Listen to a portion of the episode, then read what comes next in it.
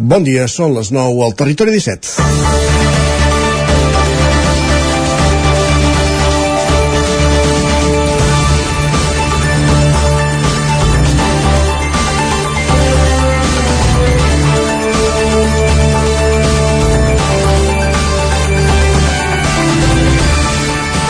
És dimecres 8 de febrer, dia 1 després de la nevada. Perquè sí, perquè finalment va nevar, principalment a les cotes altes del Ripollès i d'Osona, en punts com el Coll Cabra, el Vidranès i el Montseny, però no només. També a la part sud de la plana de Vic, provocant un accident entre dos camions a la C-17 a Tona i el caos durant algunes hores en aquesta autovia, com també va passar a Sant Joan de les Abadesses, prop de la colònia Lleudet. Una primera hora de la tarda va quedar un camió entrevessat. Va haver-hi diverses afectacions viàries als túnels de Bracons, a l'eix transversal, a la vall de Camprodon, a Toses i el transport escolar va tornar els alumnes a casa abans d'hora en alguns casos.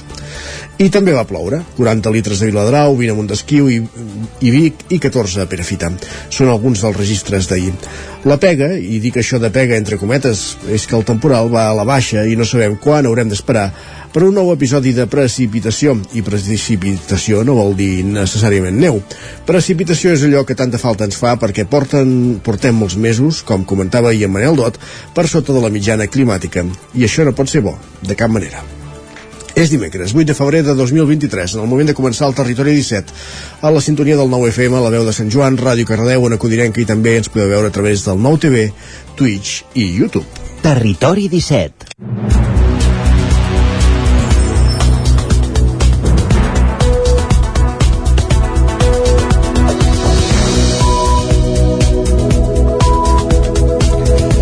Passen dos minuts de les 9 del matí en el moment de començar el territori 17, el magazín de les comarques del Vallès Oriental, Osona, el Ripollès i el Moianès, que us acompanya cada dia entre les 9 i les 11 del matí durant dues hores i avui, 8 de febrer de 2023, no podia ser cap excepció.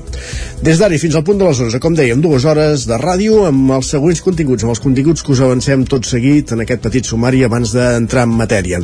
Primer de tot, el que farem serà endinsar-nos en l'actualitat de les nostres comarques, l'actualitat de casa casa nostra en connexió amb les diferents emissores del territori 17, una actualitat en part que passa pel temporal de neu d'ahir, afectant comarques com Osona i el Ripollès, en, parlar, en parlarem de seguida.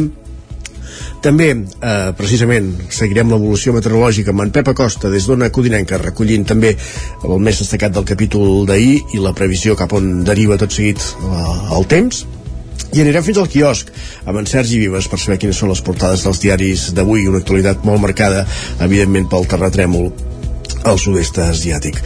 Més qüestions. A partir de dos quarts de deu pujarem al tren a l'R3, un dels serveis que ahir es va mantenir, que més d'un se'n va haver de refiar, per arribar a casa amb la nevada eh, recollirem les cròniques dels oferts usuaris amb l'Isaac Muntades des de la veu de Sant Joan i a l'entrevista anirem fins a Osona per parlar de la Copa Ozoning de Trail Run, de curses de muntanya, una copa que aquest any celebra la segona edició, que inclou diverses curses i que comença aquest cap de setmana a Santa Eulàlia de Riu Primer. De tot plegat en parlarem amb el tècnic d'esports del Consell Comarcal d'Osona, Marc Tracerra.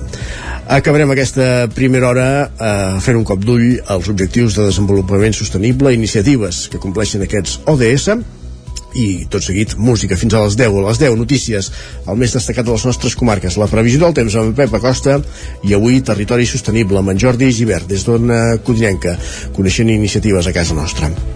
Darrere més jodra dedicada al Twitter amb en Guillem Sánchez, com cada dia recollint les piolades més destacades que trobem a la xarxa social. Acte seguit ens acompanyaran Jordi Soler, com, que, com fa cada 15 dies l'Alegria Interior, l'espai de PNL, de programació neurolingüística, de, la, de Mindfulness, i avui dedicant-nos a les faules i als valors. I acabarem el programa amb el Lletra Ferits, amb la Marta Simón, llibretera de la, de la llibreria Muntanya de Llibres, i avui, com no podia ser d'altra manera, recuperant i repassant la figura i la trajectòria de Josep Maria Espiràs, escriptor i periodista que moria diumenge als 95 anys. Aquest és el menú del Territori 17 d'avui, que ara comença, ara quan passen 4 minuts i mig del punt de les 9 del matí, amb les notícies més destacades de les nostres comarques, les comarques del Vallès Oriental, Osona, el Ripollès i el Moianès.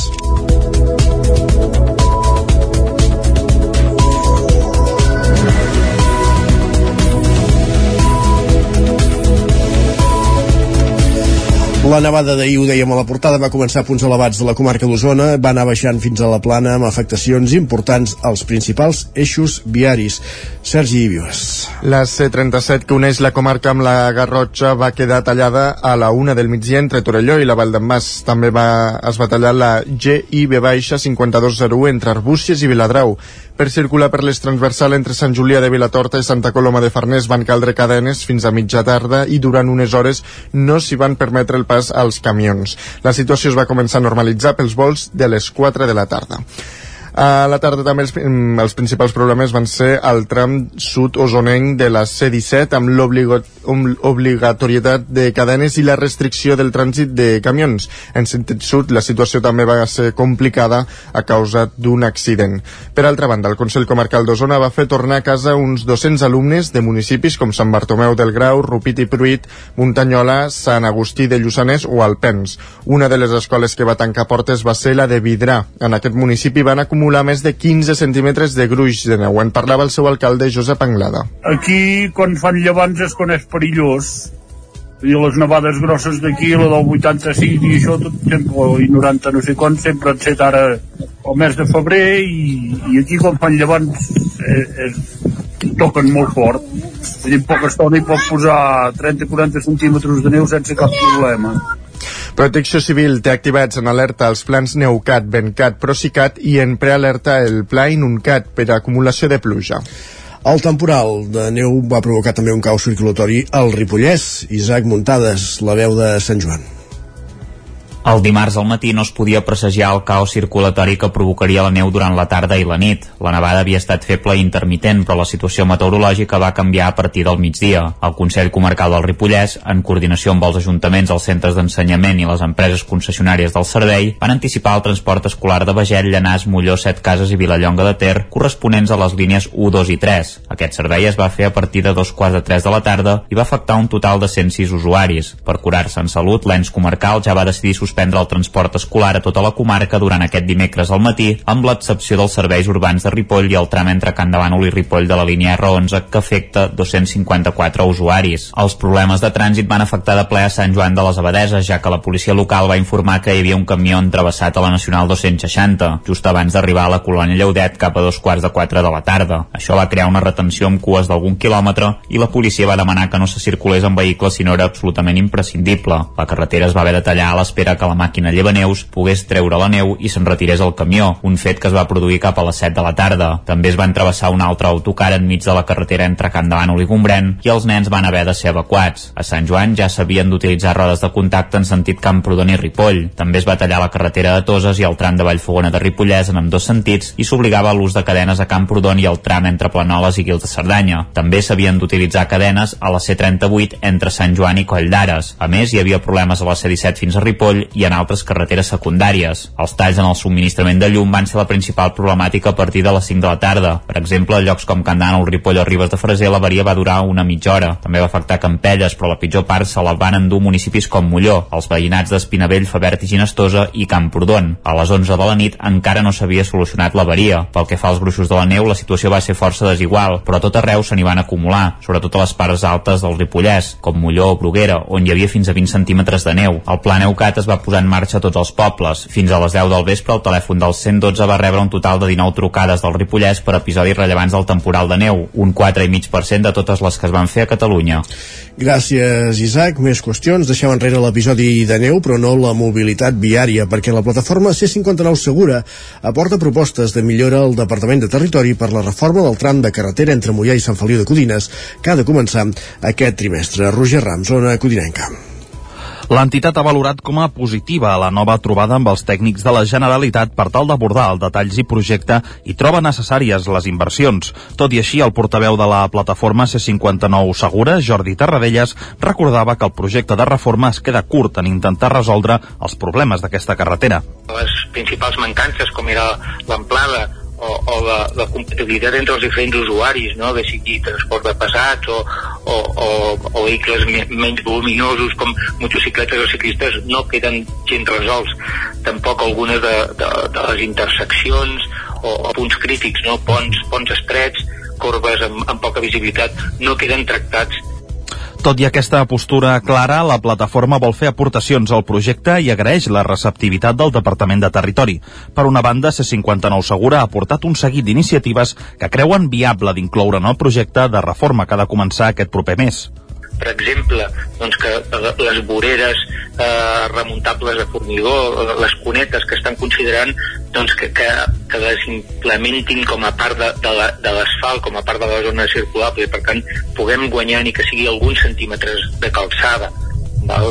o per altra banda eh, que, que considerin algunes actuacions puntuals de millora d'algunes curves en la visibilitat per altra banda, ha volgut puntualitzar alguna de les millores que proposa aquest projecte, com per exemple l'accés a les zones d'estacionament per autobusos o la col·locació dels separadors de fluxos. Els separadors de fluxes, que se'n diu el, el, la prohibició d'aparcament, aquestes balises que es posen al centre de la calçada, per limitar l'avançament, que s'han establert en algunes zones rectes amb bona visibilitat i que limitarien de forma permanent els avançaments a les carreteres i que realment creiem que, que en aquests trams no són necessaris. Des del Departament de Territori de la Generalitat s'han compromès a estudiar les millores i intentar aplicar aquelles que no modifiquin el pressupost i el termini d'aquest projecte. Gràcies, Roger. Més qüestions. Els Mossos d'Esquadra custodien des de fa uns mesos uns 90 objectes robats que van interceptar el passat mes d'octubre a l'interior d'una furgoneta a Gurb. Ara fan una crida a tothom que sospiti que puguin ser seus, Sergi. Aparells electrònics, caixes d'eines, bicicletes i sobretot rodes són alguns d'aquests objectes custodiats al subterrani de la comissaria de Vic. En total hi ha 90 objectes. Tots van ser interceptats el passat 31 d'octubre a l'interior d'una furgoneta a Gurb, una operació que va finalitzar amb la detenció del conductor del vehicle per un delicte de recep mm, receptació. Ho explica Xavier Crespo, director de la comissaria de Mossos de Vic. La receptació és eh, el fet aquest de que una persona eh, s'aprofita dels objectes provinents d'algun robatori, d'algun furt, per treure un profit. Llavors no és el que fa el robatori, sinó és el que se n'aprofita de, de l'objecte per després revendre-lo i treure un, un fruit econòmic.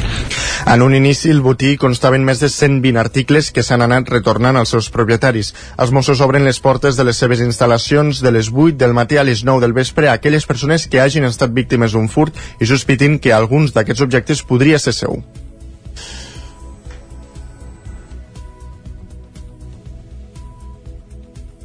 Les persones que pensin que pot haver-hi algun objecte seu aquí, el que han de fer és venir a comissaria. Si han presentat una denúncia prèvia portin la còpia o si més no ens diguin la, la denúncia que van presentar. I si tenen alguna factura o algun document que acrediti la seva propietat que el portin, nosaltres farem les comprovacions. Si no tinguessin algun document doncs si tenen alguna fotografia o qualsevol altra dada que ens ajudi a identificar i a poder acreditar que aquell objecte és de la seva propietat des de la policia catalana demanen certa celeritat a l'hora de tornar uns objectes que asseguren custodiaran un temps més però acabaran destruint. Gràcies, Sergi. Més qüestions. La Generalitat aprova la construcció de l'Escola d'Infermeria de Mollet del Vallès. Pol Grau, Ràdio Televisió, Cardedeu. La Comissió d'Urbanisme de l'Arc Metropolità de Barcelona ha autoritzat la construcció de l'Escola Universitària d'Infermeria al costat de l'Hospital de Mollet del Vallès, un projecte que la Fundació Sanitària Mollet vol començar a construir durant el primer trimestre d'aquest 2023. La comissió ha aprovat un pla especial urbanístic per concretar l'ús de la finca de 5.600 metres quadrats que es troba dins de la gran illa d'equipaments comunitaris, com ara la residència i centre de dia Santa Rosa o l'Hospital de Mollet, el solar és titularitat de la Fundació Sanitària Mollet i està parcialment ocupada per algunes estructures que formaven part de la primera fase d'execució de l'antic projecte de l'edifici dels jutjats municipals, que es va aturar i que ja l'estan enderrocant. Amb el pla aprovat aquest dilluns, es concreta per al solar l'ús sanitari assistencial, fent possible així la implantació de l'Escola Universitària d'Infermeria de la Fundació Sanitària Mollet i d'un nou auditori. Es preveu la construcció d'un edifici de planta baixa, dues plantes pis i un soterrani per allotjar aquests nous usos. La comissió ha valorat l'interès públic de l'actuació, la possibilitat donar resposta a les necessitats de la població i l'adequació del projecte a la normativa i a les condicions de l'entorn. L'aprovació per part de la Comissió d'Urbanisme arriba quatre mesos després de que el ple municipal de l'Ajuntament donés un verd al Pla Especial Urbanístic, que ara ja disposa el vistblau definitiu de la Generalitat. Gràcies, Pol. La cadena de salons de perruqueria Carol Bruguera, amb seu a Vic, tornarà a optar els Premis Internacionals AIPP Awards i Hairbrainet Video Awards, Sergi. La firma bigatana, que ja havia estat guanyadora i finalista en altres edicions d'ambdós certàmens, torna a figurar a les llistes de finalistes d'aquests guardons i opta a ser premiada a Nova York amb una de les peces de de videoart Everybody i a Londres amb el projecte artístic Little Hair Stories. Amb dos guanyadors s'anunciaran durant el mes de març. I a Vic, l'Atlàntida ha presentat la tercera edició del cicle en veu de dona. La programació ofereix 10 espectacles i activitats paral·leles en perspectiva de gènere. La representació de Yerma de Federico García Lorca i el concert de final de gira del eh, Tartarrelena obriran aquest cap de setmana a l'Atlàntida de Vic la tercera edició del cicle amb veu de dona. Durant els mesos de febrer i març s'agrupen 10 espectacles en perspectiva de gènere. Paral·lelament s'han programat activitats com xerrades, exposicions o diàlegs en col·laboració amb altres agents culturals i educatius de la ciutat. Ho explica la regidora d'Igualtat de Vic, Núria Vergés. Té com objectiu aquesta visibilització de, i, i de la dona, diguéssim, en l'àmbit de la cultura i sobretot eh, escenogràfic, Uh, uh, més musical, artístic també. En l'acte de presentació del cicle també es va donar a conèixer el nou protocol de desconnexió digital que regeix a partir d'ara per a tot el personal de la Fundació L'Atlàntida. La directora de la Fundació, Montse Catllà, i la regidora de Cultura, Bet Piella, en van donar tots els detalls.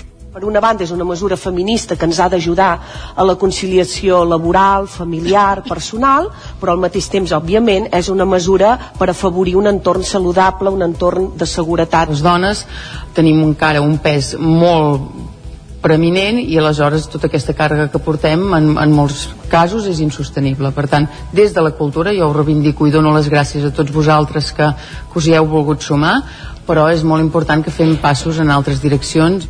Entre la programació escènica en destaca el muntatge de Clara Segura, La Trena, ja se n'ha hagut de programar una segona representació i s'han exaurit totes les entrades. D'altra banda, durant la mitja hora prèvia als espectacles es podrà visitar a la mateixa Atlàntida l'exposició artística Evidència, realitzada per als alumnes de l'Escola d'Art de Vic.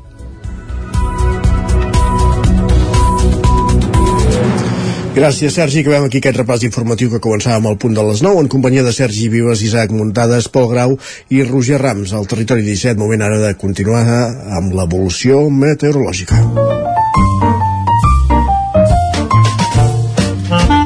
Casa Terradellos us ofereix el temps. I el temps al territori 17 ja sabeu que és cosa d'en Pep Acosta. Eh, tornem a Ona Codinenca, allà ens espera Pep.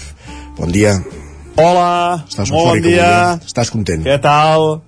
Avui eh, molt contents, molt, molt, eh, molt il·lusionats, eh, com, no sé com dir-ho, molt, eh, molt entusiasmats, molt entusiasmats amb el temporal d'ahir. Eh, vam tenir fred, aigua, neu, temporal marítim, uh, espectacular, espectacular realment el dia, el dia d'ahir i molt, molt, molt beneficiós per, uh, per, per casa nostra. Jo crec que el més destacable, el més important um, va ser això, les onades enormes que vam tenir, que és, que és un, el nostre mar és, és, és uh, diguem que és una, una massa petita al Mediterrani comparat amb, amb els mars que hi ha al món Uh, però déu nhi ahir com es va esperar unes onades enormes des del temporal Glòria segurament que no hi havia unes onades tan grans al nostre litoral. Uh, no, no, no es pot comprar ben bé eh, perquè el temporal encara va ser molt més fort. Però déu nhi déu nhi quin, quin onatge vam tenir uh, ahir. Uh, després el segon element més extraordinari la neu. Uh, on més ha nevat i, i de molt és el zona del Montseny eh, molt més fins i tot que el Pirineu a la zona del Montseny, a dalt del Montseny. Eh, se superen els 50-60 centímetres de neu un autèntic paquet enorme. Eh, també el Coix Cabra, Quilleries, el Moianès eh, gruixos que poden anar dels 15 als 20 centímetres anant important. I també cap al Ripollès, Ripollès 30-40 centímetres. Eh, nevada molt, molt, molt beneficiosa molt maca. I després la puja, la puja jo crec que aquesta puja que va caure ahir eh, feia mesos que no queien moltes comarques. Es van superar els 100 litres al, Montseny les guilleries que s'acaben entre 40 i 50 litres eh, a primera línia a la línia prelitoral del Vallès 40-50 litres també més cap a l'interior puges més modestes Osona, Moianès, interior del Vallès Oriental entre els 15 i els 20 litres però que, bueno, que és molt, molt beneficiós aquesta puja, ha canviat una mica la cara eh, als boscos. Això, aquest temporal ja va passant, va passant, però encara tenim eh, la traca final, les escorrialles. Encara pot ploure una mica aquest matí, les temperatures no han baixat tant, eh, poques glaçades només a la alta muntanya. Durant el dia les temperatures pujaran, perquè no estarà tan tapat com ahir, no serà un dia passat per pluja com ahir, i anirà sortint al sol. Les temperatures, per tant, pujaran una mica. La majoria màximes eh, entre els 7 i els 12-13 graus a tot estirar. De cara a la tarda hi ha força inestabilitat encara i no descartem veure precipitació sobretot a la zona del Montseny, Guilleries, Coix de Cabra. Igual que ahir, aquestes zones on pot rebre més pluja aquesta, aquesta tarda. Uh, però ja no seran pluges continuades durant tot el dia, sinó que seran pluges inconexes, ruixats. Uh, en general, poca cosa. Cota neu, 700-800 metres. Pot anar acumulant neu en tota aquesta zona que ja és la zona que més ha nevat. I els vents afluixaran. Uh, I els vents també van ser molt destacables. Uh, vents de llevant, vents marítims. Avui, mica en mica, aniran afluixant aquestes bandades. I això és tot, a disfrutar del dia d'avui, a disfrutar d'aquest temporal que encara continua una mica, però ja dic que va, va a la baixa. Adeu. Adeu, Pep, moltes gràcies, parlem d'aquí una estona. Casa Tarradellas us ha ofert aquest espai. Territori 17. Envia'ns les teves notes de veu per WhatsApp al 646 079 023. 646 079 023. WhatsApp Territori 17.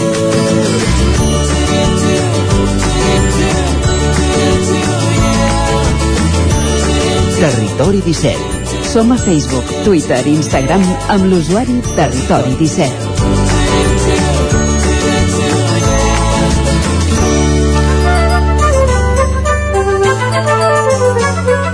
I al territori 17, ara que passen, que volem dir que falten 8 minuts perquè siguin dos quarts de 10 del matí, és moment de repassar portades, d'anar al quiosc amb en Sergi Vives i saber què diuen els diaris avui a les seves portades. Per on comencem, Sergi? Bon dia. Bon dia, doncs comencem pel punt avui, que encapça la portada amb el titular Desemmascarats. Diuen que al cap de 1.000 1.010 dies només cal mascareta als centres sanitaris.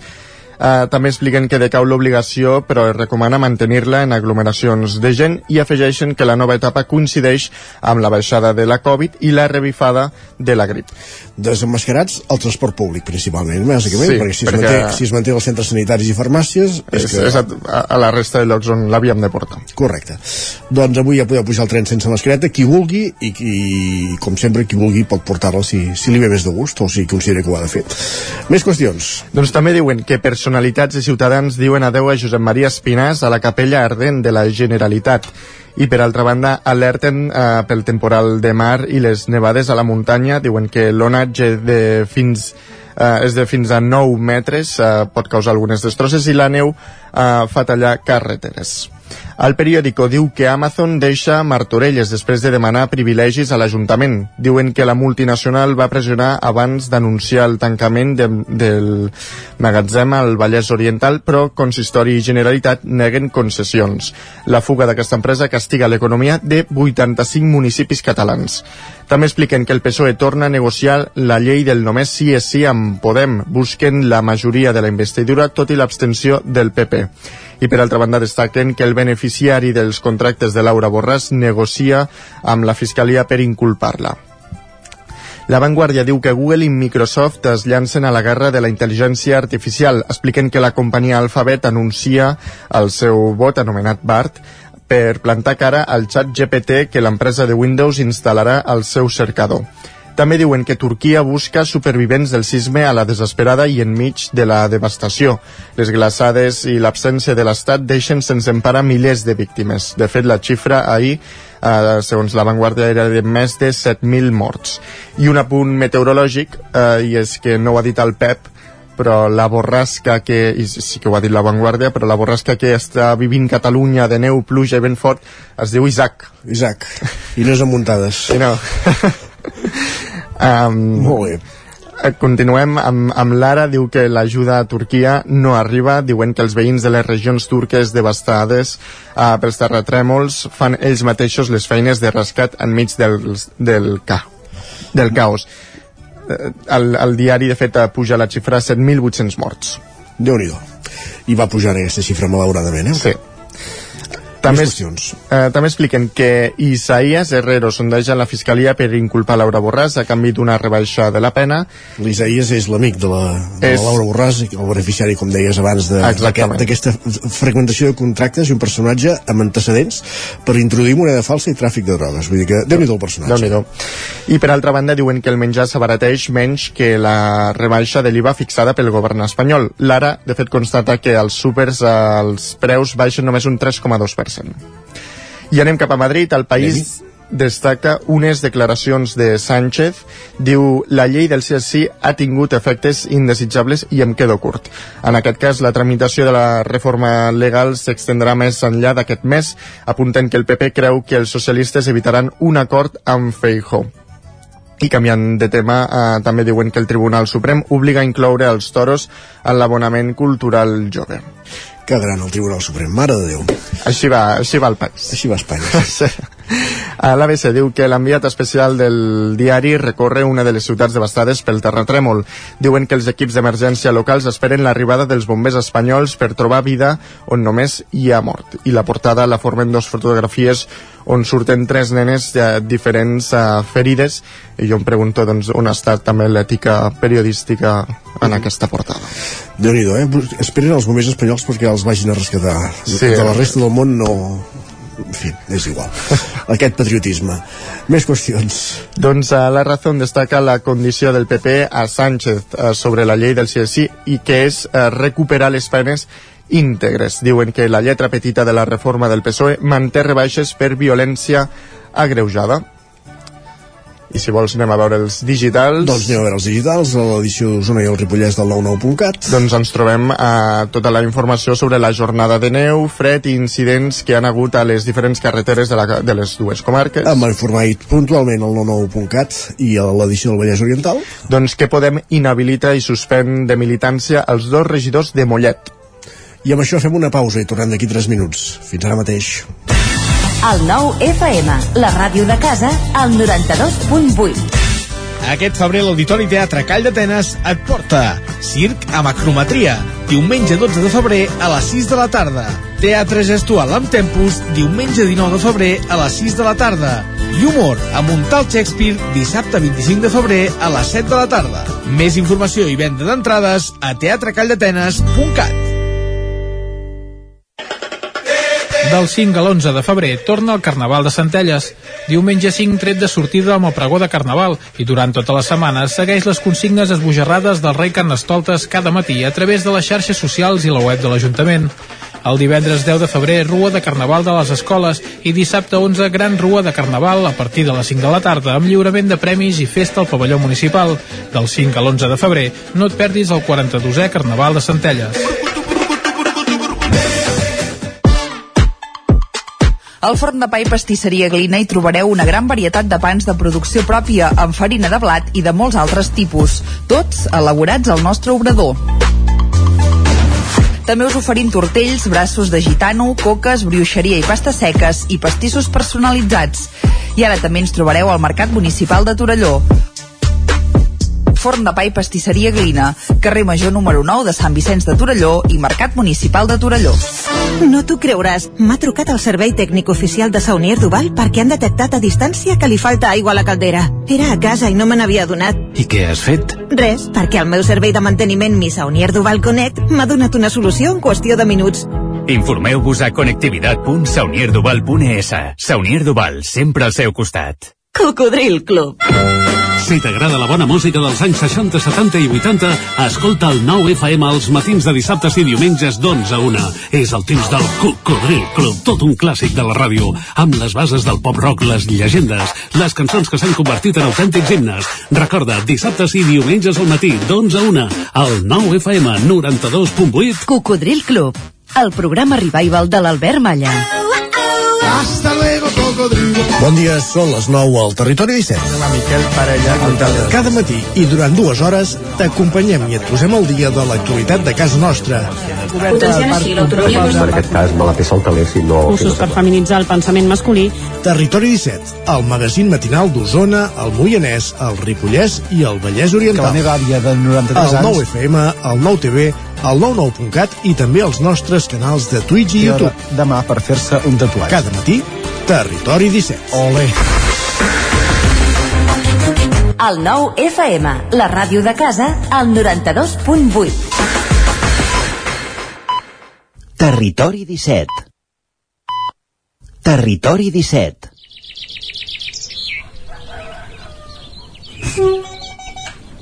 A Tren d'Alba.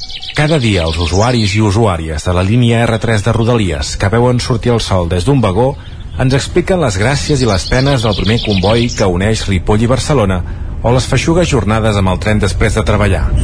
Benvinguts a Tren d'Alba. Ahir no us ho vaig comentar, però ja sabeu que es va acabar l'obligatorietat de portar mascaretes al transport públic. Per tant, ja es veia moltíssima més gent amb la cara destapada als trens o als autobusos. A veure, que hi havia molta gent que ja no la duia, però no va ser fins aquest dimarts que el Consell de Ministres del govern espanyol va aprovar eliminar-la del transport públic, però també de les òptiques, centres auditius i les ortopèdies. De fet, no vaig tard, perquè el canvi realment es farà efectiu avui dimecres, quan s'hagi publicat el BOE. La mesura és una modificació del Reial Decret de l'abril de l'any passat que regula l'ús obligatori de la mascareta. Ho van anunciar la ministra de Política Territorial i la portaveu del govern espanyol, Isabel Rodríguez, i la ministra de Sanitat, Carolina Dàries, que van destacar que amb aquesta mesura es va en direcció cap a una normalització de la vida després d'haver passat el pitjor de la pandèmia. Això sí, la mascareta encara serà obligatòria en centres i serveis sanitaris, com per exemple els hospitals, els CAPs, els dentistes, els centres de reproducció assistida i d'interrupció de l'embaràs, però també a les farmàcies. També hauran de seguir duent mascaretes els treballadors de les residències de la tercera edat i els centres sociosanitaris,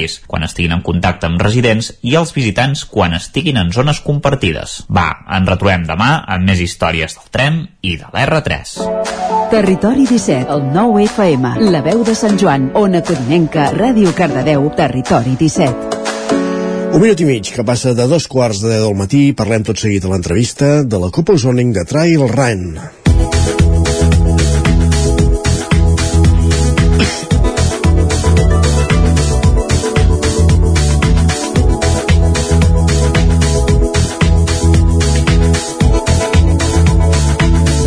La Copa Osorning de Trail Run, que va celebrar la primera edició durant l'any passat, que la completen 12 curses i que aquest cap de setmana es torna a posar en marxa ja la primera cursa d'aquest 2023. D'aquesta Copa, d'aquestes curses de muntanya, en parlem amb un dels seus organitzadors, el tècnic d'esports del Consell Comarcal d'Osona, Marc Tresserra. Benvingut, bon dia. Hola, bon dia. Uh, com dèiem, aquest cap de setmana ja comença la primera cursa d'aquesta segona edició de la Copa Ozoning de Trail Run. Diem segona edició perquè ja es va fer durant l'any passat, de fet no fa massa setmanes es va fer l'acte de, de Cluenda. Primer de tot, ens, parlem una mica d'aquesta iniciativa, d'on surt aquesta idea d'organitzar aquesta Copa pròpia de la comarca d'Osona amb diverses curses de muntanya que, que hi ha aquí, en aquest territori. Sí, la Copa Osoning, com molt bé diu el nom, pertany a Osoning. Osoning és el clúster de la comarca d'Osona que té l'interès de promocionar l'esport i el turisme esportiu a la comarca, potenciar el turisme cap a, cap a la comarca d'Osona i, i aquest i té com l'objectiu, doncs, és com un projecte que té l'objectiu de treure els corredors de trail running d'arreu d'aquí a Osona per, perquè coneixin el nostre territori, coneixin els nostres camins, les nostres muntanyes i com que tenim una, un gran ventall de curses, en aquest cas 12, i les 12 curses engloben molt bé el nostre territori, com és la zona del Trail del Bisaure, tenim la zona del Recross, a baix els cingles de Bertí, la zona del Ram Primer, que es fa aquest cap de setmana cap aquí, Santa Eulàlia, Riu Primer, zona de Voltreganès, Montseny, eh, tenim totes les curses que engloben la comarca i és com el, és com el campionat que engloba o que és l'excusa de dir va, portem els corredors cap aquí que, une, que, que coneguin el nostre territori i bueno, les curses d'aquí a la comarca crec que tenen eh, molta experiència a nivell organitzativa i, i estan totes molt ben avingudes i, i per això la facilitat també de poder tirar endavant aquest campionat. Per tant, són curses que totes elles ja, ja existien, no se n'ha creat cap de nova i el que es fa és donar-los aquest, eh, sota aquest epígraf d'Ozoning crear una, una copa concreta, no? diguéssim, el, el millor participant en, en totes 12, per entendre'ns.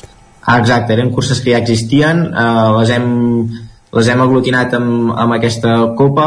Des d'Ozoning intentem ajudar-los també a nivell de, patrocini a nivell de recursos eh, materials, recursos de comunicació, etc perquè eh, són organitzadors que dediquen les seves hores que no són de feina i per l'amor a l'art i, i, i donar-los aquest suport també els hi va bé i poder aglutinar aquests actius que ells poden aprofitar doncs des d'Osoning va bé. A part d'això, també aprofitem nosaltres doncs, per, per donar a conèixer la comarca a través d'elles.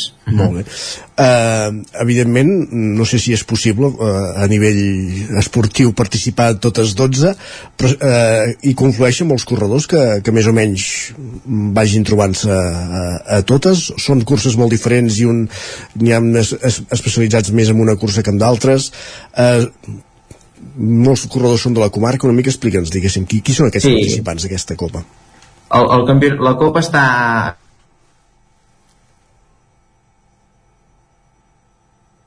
anem perdent en moments puntuals el, el senyal d'en de Marc. Ara Marc, ens, ens sents bé ara? Ah, jo et sento, sí. Perfecte, t'havíem perdut. Això ens explicaves qui, qui, qui, qui competia en aquestes proves, diguéssim. Aquestes proves, la Copa Osona està dividida en tres modalitats. Aquestes tres modalitats hi ha el trail llarg, el trail curt i la cursa en pujada. El trail llarg són curses que van de 20 a 30 quilòmetres, que són ja per corredors més experts, que hi dediquen més temps a la muntanya, també són perfils més adults, ja van dels 35-45 anys, i aquests són els que fan les curses de trail llarg, després hi ha el trail curt, que va destinat a un corredor més jove i pot participar tothom, però segurament el perfil que es veurà en aquestes curses és un corredor molt més jove, i les curses en pujada són curses molt específiques que tenen l'essència de sortir d'un punt de la comarca, una població, i arribar a dalt d'un cim emblemàtic de la comarca, com és el Sant Martí Xic, Bellmunt i, i la Creu de Gurb en, en el cas de la Copa Usaní. Llavors, per poder ser finisher d'aquesta Copa has de poder assolir el 50% de les proves, que en aquest cas, en el cas del trail llarg i el trail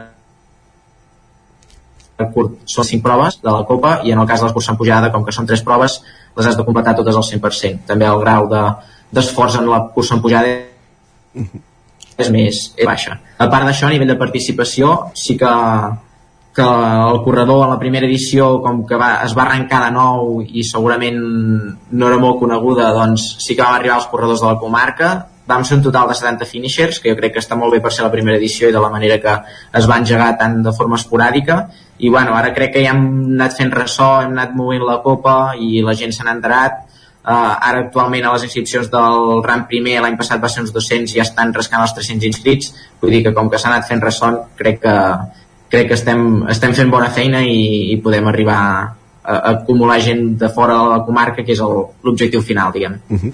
Tot el món de, de les curses de muntanya sí que va arribar un moment que d'un esplendor espectacular que es feien curses a, a tot arreu. Ara no sé si podríem dir que, que s'ha estabilitzat també en certa mesura la, la pràctica.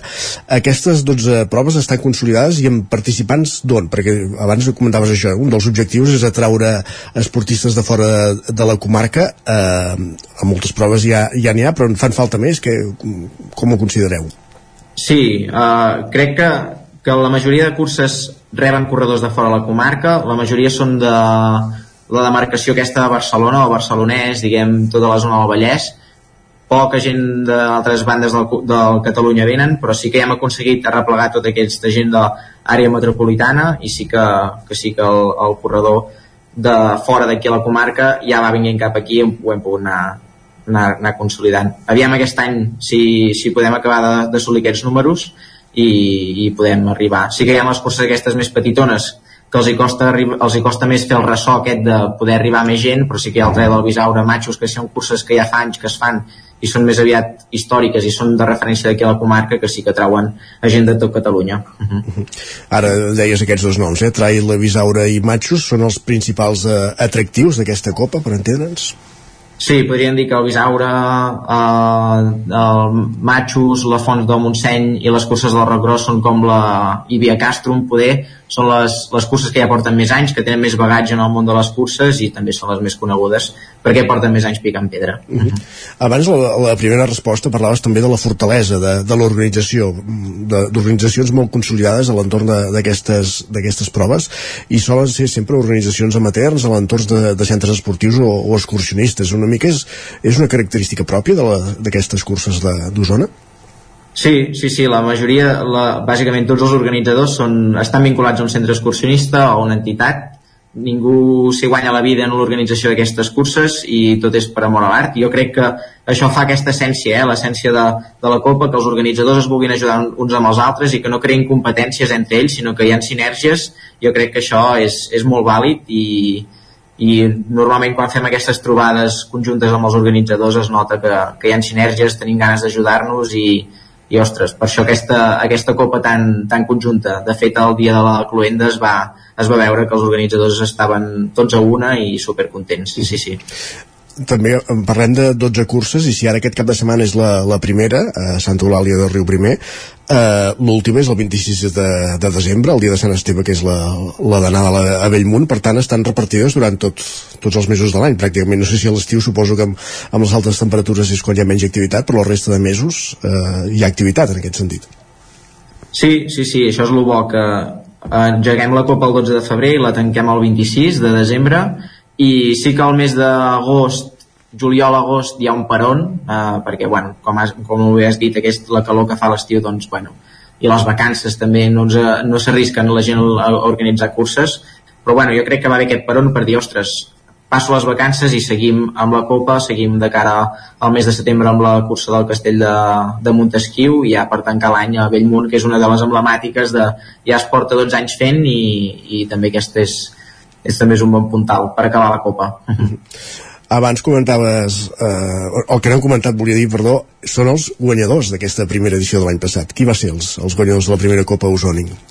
Els guanyadors, pel que fa a la modalitat del trail llarg, van ser Jordi Delgado i Anna Pujol, en el trail curt van ser Oriol Pujol i Helena Mercader, i en el cas de les curses en pujada, no, perdona, el trail llarg va ser Laia Duval, que m'he equivocat, i en el cas de les curses en pujada eh, va guanyar Jordi Roy i Anna Pujol. Ara sí que Molt bé. confusió. I em volia demanar també una mica pel, pel planter de, de corredors a, a la comarca d'Osona, perquè el, el, el corredor de muntanya mica en mica també s'ha anat tecnificant, ja hi ha diversos cl- clubs que atlètics que, que afegeixen aquesta disciplina, diguéssim, al seu club, una mica com, i tu com, com a corredor que també, que, que també has estat o que ets, eh, diguéssim, com, com estàs veient el, el món de, de les curses, el, el futur, diguéssim, pel que fa a corredors de la comarca?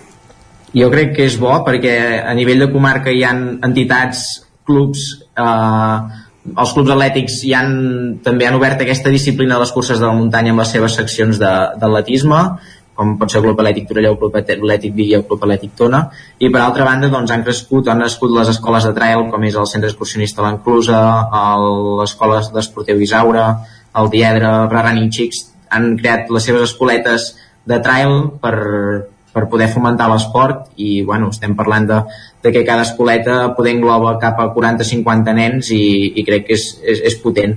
A part d'això, a nivell de Consell Esportiu d'Osona es crea el cross escolar que, que a nivell de números i dades doncs, eh, cada, a cada cross escolar hi ha una participació de 150 nens i bueno, es nota que hi ha l'interès de voler seguir corrent i, i, i gaudint de la muntanya. A part d'això, ara eh, es crearà o s'ha creat ja que començarà al març un circuit de curses de muntanya infantils aquí a la comarca d'Osona no competitiu que rep el nom de Copa Osona Intrail Run Kids i l'organitzarà conjuntament Osònic amb el Consell Esportiu i més que res això perquè eh, hem estat parlant amb les escoles de trail i els clubs atlètics i les escoles en si també ha les AMPAs perquè algunes escoles ja fan l'activitat extraescolar de trail i els nens tenen com l'interès de dir, ostres, estaria bé fer un campionat aquí a la comarca, un circuit per poder-nos trobar tots i, i gaudir-ne de, de l'esport. Sí, sí. I aquest circuit infantil de quantes proves consistirà? Aquest circuit infantil consisteix de sis proves, també repartides per tota la, la comarca. Engegarem al Castell de Montesquieu, uh -huh. que li, dirà, li rebrà el nom del Trail del Bisaure XS, eh, lligant-ho amb, el, amb el Trail del Bisaure, i s'acabarà a, a Collsospina, que no engloba la comarca, però és una, és una comarca molt propera al Moianès, que els dificulta fer activitat, i també tenen una escola de trail molt potent allà dalt i, i, i l'acabarem acabarem allà, sí, sí. I per últim, eh, aquesta Copa Osònic, com dèiem, està formada per 12 proves, en certa manera consolidades. Hi ha la possibilitat que, que s'obri a més proves eh, en un futur?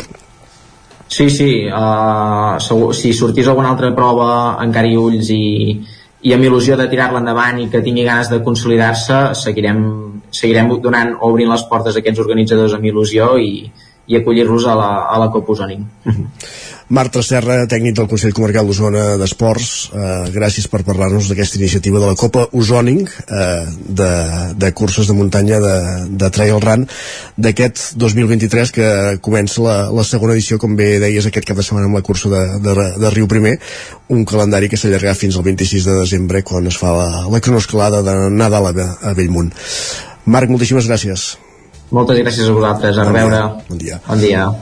I avancem, continuem al territori 17, hem estat parlant de curses de muntanya en Marc Tracerra, d'aquesta iniciativa d'Osoning, del Consell Comarcal d'Osona, de la Copa Ozoning de Trail Run, i el que fem tot seguit és endinsar-nos en el món dels objectius de desenvolupament sostenible de les ODS.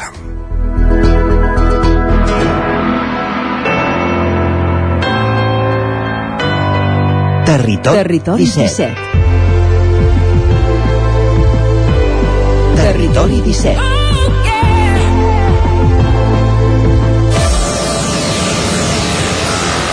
I ara que passa mig minut de tres quarts de 10 del matí, la setmana passada començàvem aquest cicle de reportatges a l'entorn dels, o, dels ODS, dels Objectius de Desenvolupament Sostenible, en el marc del projecte ONA ODS.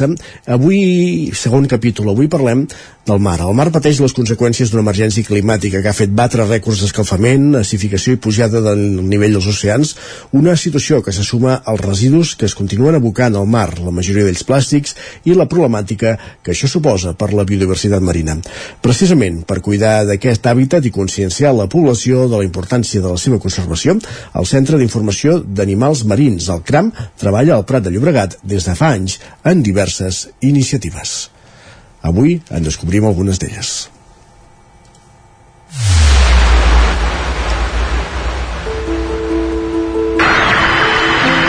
Porque yo podría y me atrevería a decir que el individuo no es más que un eslabón, un pequeño eslabón en una larguísima cadena, cuyo origen se pierde en la noche de los tiempos y cuyo fin está todavía por forjar.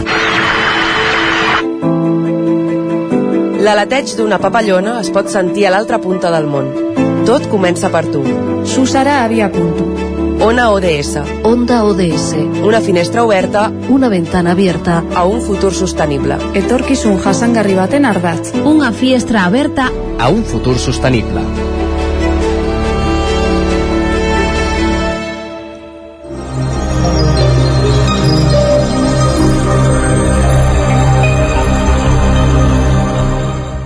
El mar pateix les conseqüències d'una emergència climàtica que ha fet batre rècords d'escalfament, acidificació i pujada del nivell dels oceans, una situació que se suma als residus que es continuen abocant al mar, la majoria d'ells plàstics, i la problemàtica que això suposa per la biodiversitat marina.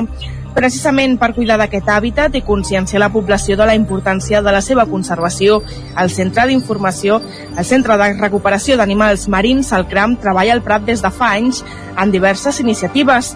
I per parlar de tot plegat, saludem la responsable de Conservació i Investigació, la Sílvia Giralt. Sílvia, bona tarda. Hola, bona tarda. Parlàvem una miqueta en aquesta introducció de la situació de, dels oceans, dels mars. Ah, és preocupant? En quin moment ens trobem en, en aquest sentit? Sí, tenim ara mateix la situació de tots els oceans i els nostres mars de tota la Terra estan en un moment molt crític. Per sort estem encara en un moment en què podem solucionar tots els problemes que tenim. L'únic és que ens hem de posar tots a, a marxa per poder solucionar-ho, ja que arribarem a un punt de no retorn, estem molt a prop d'ell de, i en aquell punt, per molt que fem amb les coses ja, ja no hi haurà manera de que aquest oceà pugui tornar a la, a la salut que tenia fa uns anys i que ara ha estat emmarmada. Clar, parlàvem, per exemple, de crisi climàtica, però també el factor humà és important, la irresponsabilitat de moltes persones que, que no cuiden d'aquests mars. Exacte, malauradament tots els problemes que té ara mateix els nostres oceans eh, venen deguts d'accions antropogèniques de nosaltres, dels éssers humans. A vegades pensem que el canvi climàtic, com que ve degut de diferents condicions a nivell atmosfèric i naturals, no és culpa nostra, però aquest canvi um, l'hem fet nosaltres per la nostra responsabilitat i llavors també tenim a més a més aquests factors d'aquestes accions tan directes que um, encara ens sobten a vegades de veure com um, hi ha sers humans que, que fan aquestes accions però que, que és eh, culpa de tota la societat i una miqueta eh, eh, som tots els responsables que hem de fer alguna cosa que al fi al cap, com que és culpa nostra, crec que també nosaltres hem de trobar aquesta solució. Clar, hi ha dades en aquest sentit uh, molt preocupants i també que impacten molt, com per exemple hi ha estudis que han determinat que la brutícia abocada al mar en 30 anys podria superar els 3 bilions de tones. Clar, això sí, ens fem una imatge al cap realment uh, esgarrifós. Sí, és, és, és molt, molt, molt trist i nosaltres ho veiem dia rere dia en la nostra feina. El que passa amb tota aquesta problemàtica és que com que està dintre dels oceans, no la veiem al nostre dia a dia i creiem que no existeix perquè amb les corrents tota aquesta brutícia passa a llocs que nosaltres no veiem i pensem que la problemàtica no és tan gran com sembla però nosaltres que hi treballem cada dia que, que vivim en el mar bueno, que el tenim aquí davant portem amb els pacients que arriben a més d'un 70 o 80% de les tortugues que ens arriben al nostre centre excreta en plàstics. És una barbaritat. Vol dir que gairebé totes tenen aquesta problemàtica en major o menor um, quantitat, però totes les excreten i estem trobant diferents animals que presenten aquesta problemàtica dintre de la seva sang, el que vol dir que ja està dintre del seu organisme, ni l'han ingerit, sinó que ja el, les noves generacions neixen amb aquesta problemàtica dintre del seu organisme i s'està trobant que també en el ser humà està començant a haver-hi aquesta problemàtica que potser és el que farà que la gent comenci a veure que,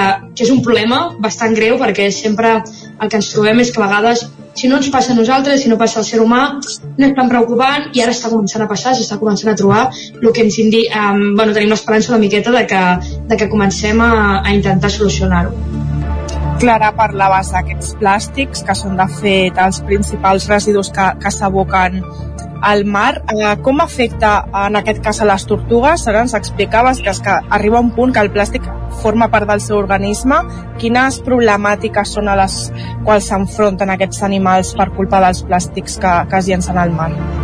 Normalment el principal problema i el més greu que tenim és la ingestió d'aquests plàstics. Um, normalment succeeix perquè les tortugues marines um, són animals que bueno, um, són oportunistes, ja que la, la seva alimentació no, no és molt, molt estàtica.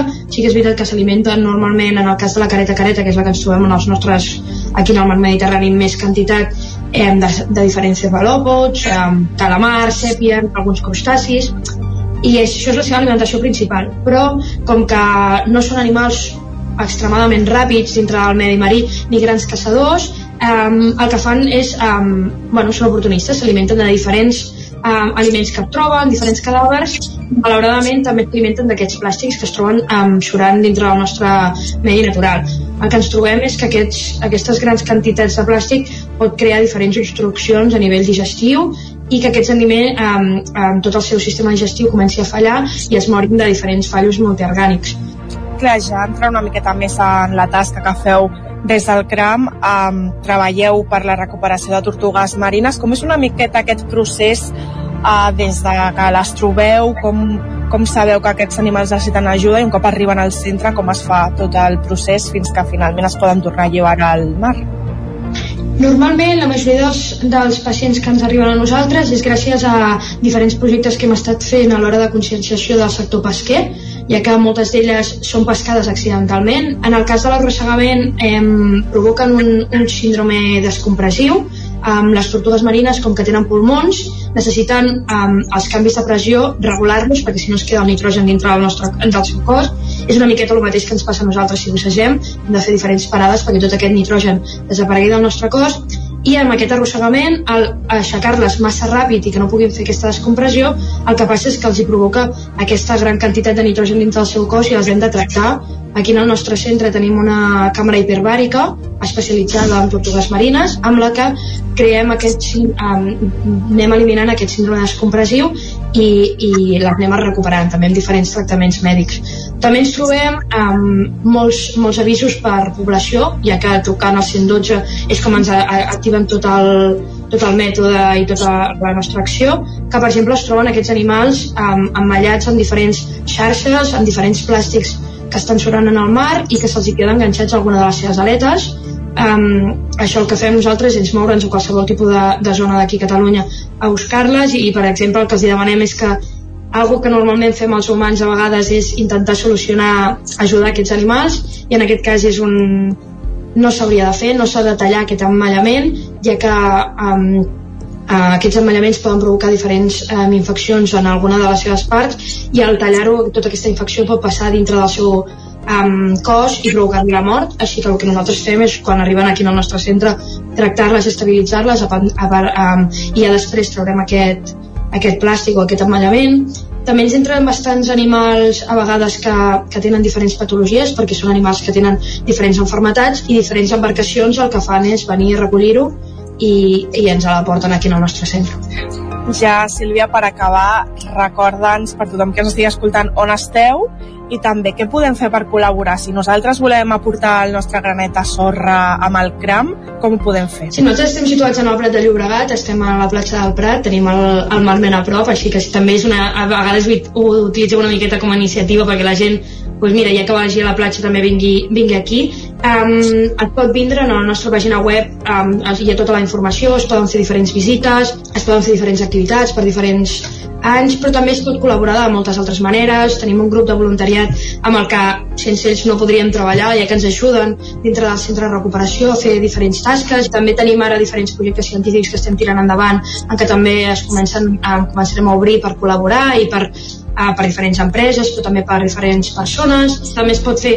una petita donació, tenim també diferents productes per que amb la seva venda podem alimentar els, els nostres animals o ajudar a la seva recuperació Um, dintre de la nostra pàgina web es trobarà tot, però qualsevol granet de sorra per nosaltres és super mega important, encara que sigui um, vindre aquí um, un dia i veure les tortugues, però sobretot conèixer tots els problemes que hi ha i intentar solucionar dintre del nostre dia a dia, intentar trobar diferents solucions per ajudar el medi marí que el necessitem. Necessitem que no només els centres de recuperació, no, no només la gent com, com el CRAM, sinó que cadascú a la, en el seu dia a dia comenci ajudant al medi marí i sobretot comenci a tindre aquesta consciència perquè les grans administracions comencin a fer els canvis que necessita l'oceà per poder intentar solucionar aquesta problemàtica que hem creat.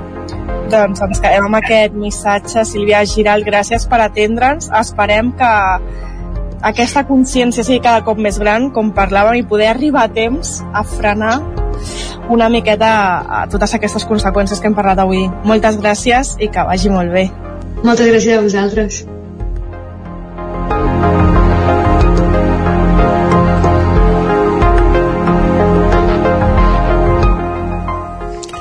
Doncs hem conegut més a fons el projecte del CRAM per treballar pel mar, pels oceans i el que fem ara és arribar al punt de les 10 com cada dia amb música.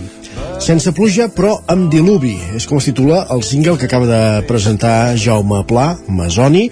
El cantant, el músic de la Bisbal d'Empordà acomiada gira aquest cap de setmana, el dissabte 11 a la Sala Polo de Barcelona amb convidats especials en un concert que també serà especial perquè s'acomiada d'alguns dels músics amb qui ha fet una llarga trajectòria Jaume Pla de cara a iniciar nous projectes i aquest n'ha de ser el punt de partida aquesta cançó, aquest single que estrenava aquest dimarts sense pluja però amb diluvi amb diluvi.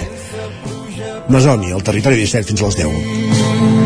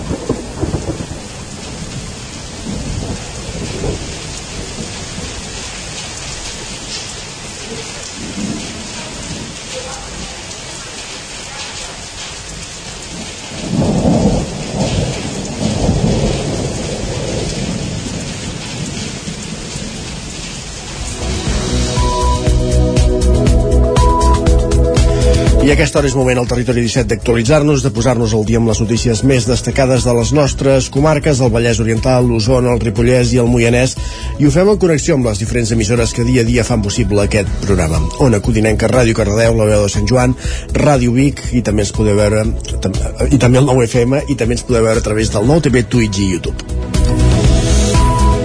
Hem parlat moltes vegades de la iniciativa de, dels bicibús, una iniciativa nascuda a la comarca d'Osona. Aquesta setmana, però, s'ha donat el tret de sortida a Sant Feliu de Codines a una nova iniciativa impulsada des de l'Ajuntament i l'AFA de l'Escola Jaume Balmes, batejada com a Bus a peu. Roger Rams, Ona Codinenca. Sí, exacte. Aquesta activitat consisteix en agrupar els infants de tota l'escola, des d'infantil fins a sisè, per tal d'anar tots junts a peu fins al centre. Daniel Fonoll, regidor de Protocol i Mobilitat de l'Ajuntament de Sant Feliu, valora així l'acollida que ha tingut aquesta iniciativa. Bueno, doncs és com tot, costa, quan comences les coses, doncs costa. Llavors, doncs, les AFAs, que són les que ho han promogut, bàsicament, nosaltres simplement els hem donat un cop de mà, doncs posant dos agents eh, cívics que aniran davant i darrere dels nanos, i llavors, doncs, el que passa només s'han apuntat 5, 5, 5 persones. De moment, està obert apuntant-se amb més, de moment és una prova pilot a veure què passa, i molt bé, ahir van venir tots, van pujar, m'han donat, m'han dit que cap problema, que havia anat tot perfectament, per la seva part, els usuaris, tant els alumnes com sobretot pares i mares que han d'acompanyar els infants més petits als infantil, expliquen com és això d'anar a l'escola d'aquesta manera.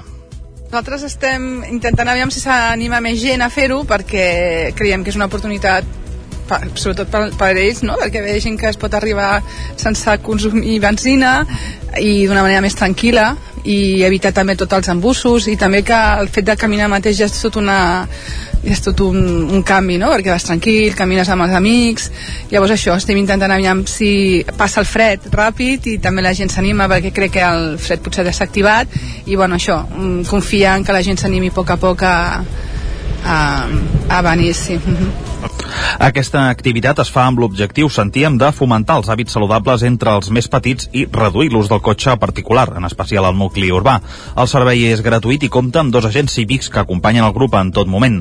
La sortida es realitza cada matí a dos quarts de nou a la plaça Josep Humbert Ventura, just davant de l'Ajuntament, i arriba a l'escola pocs minuts abans de les 9. Aquesta activitat, això sí, comporta un tall puntual del trànsit al carrer de la Roca Grossa. Gràcies, Roger. Més qüestions. Encara al Vallès Oriental, les franqueses suma 80.900 euros amb ajudes dels fons Next Generation de la Unió Europea. Pol Grau, Ràdio Televisió, Cardedeu.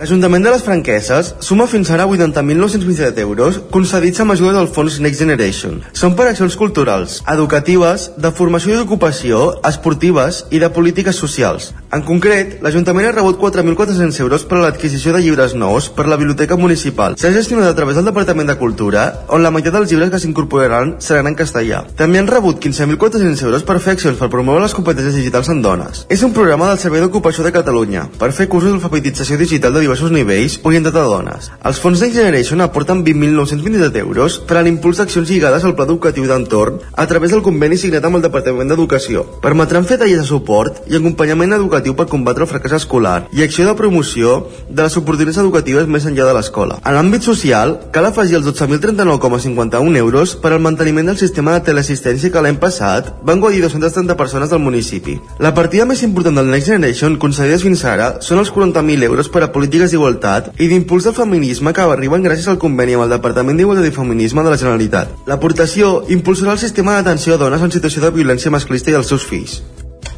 Gràcies, Pol. Anem cap al Ripollès ara perquè l'univers jove del Ripollès on vam parlar dilluns a l'entrevista, acull un miler de visitants amb 800 alumnes provinents de tres comarques. Isaac Muntades, la veu de Sant Joan. Tot i l'alerta per nevades que amenaçava gran part de Catalunya, l'Univers Jove 2023 del Ripollès es va poder celebrar amb tota normalitat al pavelló municipal de Ripoll durant tot el matí de dimarts. En total, la novena edició del Saló de l'Ensenyament del Ripollès va comptar amb un miler de visitants, entre els quals hi havia uns 800 alumnes de la mateixa comarca i també d'Osona i la Cerdanya. Al certamen hi havia 58 estants de totes les universitats catalanes importants i la d'Andorra Esquerra, a més de la representació de formació professional de fins a 8 comarques del país. El director de l'Institut Abat Oliva de Ripoll i el director dels serveis territorials de territori a Girona, Joan Maria Roig i Sergi Albric respectivament, van destacar la importància de l'univers jove pels alumnes. Però que crec que parlant d'aquesta quantitat d'explícites, per mi hi ha un aspecte molt important que és la qualitat que aquest saló permet a tots els alumnes que vulguin participar-hi. La vida d'aquest saló eh, permet que el tracte humà que rebrà cada un dels alumnes que vindrà avui aquí posi de relleu la importància que té el fet de poder repartir en diferents llocs del territori l'oferta educativa que arriba directament als nostres alumnes. Com a Ripollès crec que és important doncs, que puguem fer aquest acompanyament als joves i als joves de la nostra comarca doncs, perquè els orientem en el seu futur professional. Això no és fàcil de fer a la majoria de comarques, és com a Ripollès, una comarca doncs, petita en habitants però gran amb cor, eh, doncs és molt important que siguem capaços de fer i ens n'hem d'enorgullir. Per la seva banda, la tècnica de joventut comarcal, Laura Vidal, va apuntar quina és la principal preocupació dels joves de quart d'ESO i de segon de batxillerat que visiten l'univers jove. Jo crec que els dubtes bàsicament que tenen és més el dubte de què estudiar, no? Que, per després trobar feina, no? No tant si el, el tema de la comarca, perquè penso que també es pensen a, a vegades poder marxar una mica per després tornar, no? O alguns estudis que els hi donen sortida, però com que la, cada augmentant més la varietat d'estudis, el, el neguit que tenen és això em servirà o no em servirà. El, el president del Consell Comarcal del Ripollès, Joaquim Colomer, va aprofitar la fira per demanar que arribin noves formacions a la comarca. Per exemple, també seguim reclamant que és molt necessari que tinguem un cicle formatiu sociosanitari, al qual doncs, hi ha molta demanda, les residències, l'hospital, la, la fundació, el Consorci Benestar, hem de recordar que som una de les comarques més envellides de Catalunya i que, per tant, aquest cicle creiem que seria, diguem-ne, primera necessitat a la nostra comarca. Al certamen també va haver-hi xerrades, cursos, sortejos, premis i demostracions en directe. Per exemple, a l'espai central hi havia una mostra d'escalada, de cuina, d'activitat física i mecatrònica. A banda, també es va instal·lar un escenari per on hi anaven passant els alumnes de l'Escola Comarcal de Música. Gràcies, Isaac. Més qüestions. Els Mossos d'Esquadra estan investigant la mort d'un gos que va morir electrocutat a la zona de l'antiga colònia de Còdol Dret, a les Masies de Roda. Sergi Vives. Els fets van passar l'1 de febrer. L'animal, que era un mastí dels Pirineus d'uns 65 quilos, va caure fulminat després de tocar un filat elèctric que suposadament estava connectat al corrent. La família va fer-ne difusió a través de les xarxes socials alertant del perill que suposava i que els implicats, que haurien vist fugir de la zona, podrien estar caçant il·legalment. Des de la policia catalana estan eh, investigant-ho i confirmen que d'entrada es tracta d'una pràctica il·legal. Prats de Lluçanès farà avui un acte en memòria de les víctimes de l'Holocaust. L'espai social de la gent gran de Prats de Lluçanès acollirà avui a les 5 de la tarda un acte en memòria de les víctimes de l'Holocaust organitzat per l'Ajuntament de Prats. Consistirà en una taula rodona en la qual participaran François Gené, fill de la deportada Braulia Cànovas, també Marina Rosell, cantant i vicepresidenta de l'Amical de Ravensbrück, Elisabet Lázaro, investigadora documentarista i secretària de l'Amical de Ravensbrück, i les historiadores i investigadores de la Guerra Civil a Prats, Roser Reixac i Anna Gorgs. Els Mossos d'Esquadra custodien des de fa uns mesos uns 90 objectes robats que van interceptar el passat mes d'octubre a l'interior d'una furgoneta a GURB. Ara fan una crida a tothom que sospiti que puguin ser seus. Aparells electrònics, caixes d'eines, bicicletes i sobretot rodes són alguns d'aquests objectes custodiats al soterrani de la comissaria de Vic. En total hi ha 90 objectes. Tots van ser interceptats el passat 31 d'octubre a l'interior d'una furgoneta a GURB, una operació que va finalitzar amb la detenció del conductor del vehicle per un delicte de receptació. Ho explica Xavier Crespo, sost, eh, sotinspector de la comissaria dels Mossos de Vic. La receptació és eh, el fet aquest de que una persona eh, s'aprofita dels objectes provinents d'algun robatori, d'algun furt, per treure un profit. Llavors no és el que fa el robatori, sinó és el que se n'aprofita de, de l'objecte per després revendre'l i treure un, un fruit econòmic. En un inici el botí hi constaven més de 120 articles que s'han anat retornant als seus propietaris.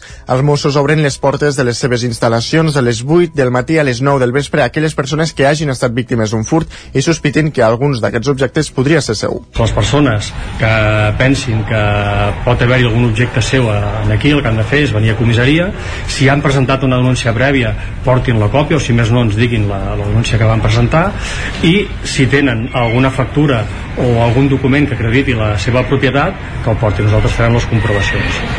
Si si no tinguessin algun document doncs si tenen alguna fotografia o qualsevol altra dada que ens ajudi a identificar i a poder acreditar que aquell objecte és de la seva propietat. Des de la policia catalana demanen certa celeritat a l'hora de tornar uns objectes que asseguren custodiaran un temps més però acabaran destruint.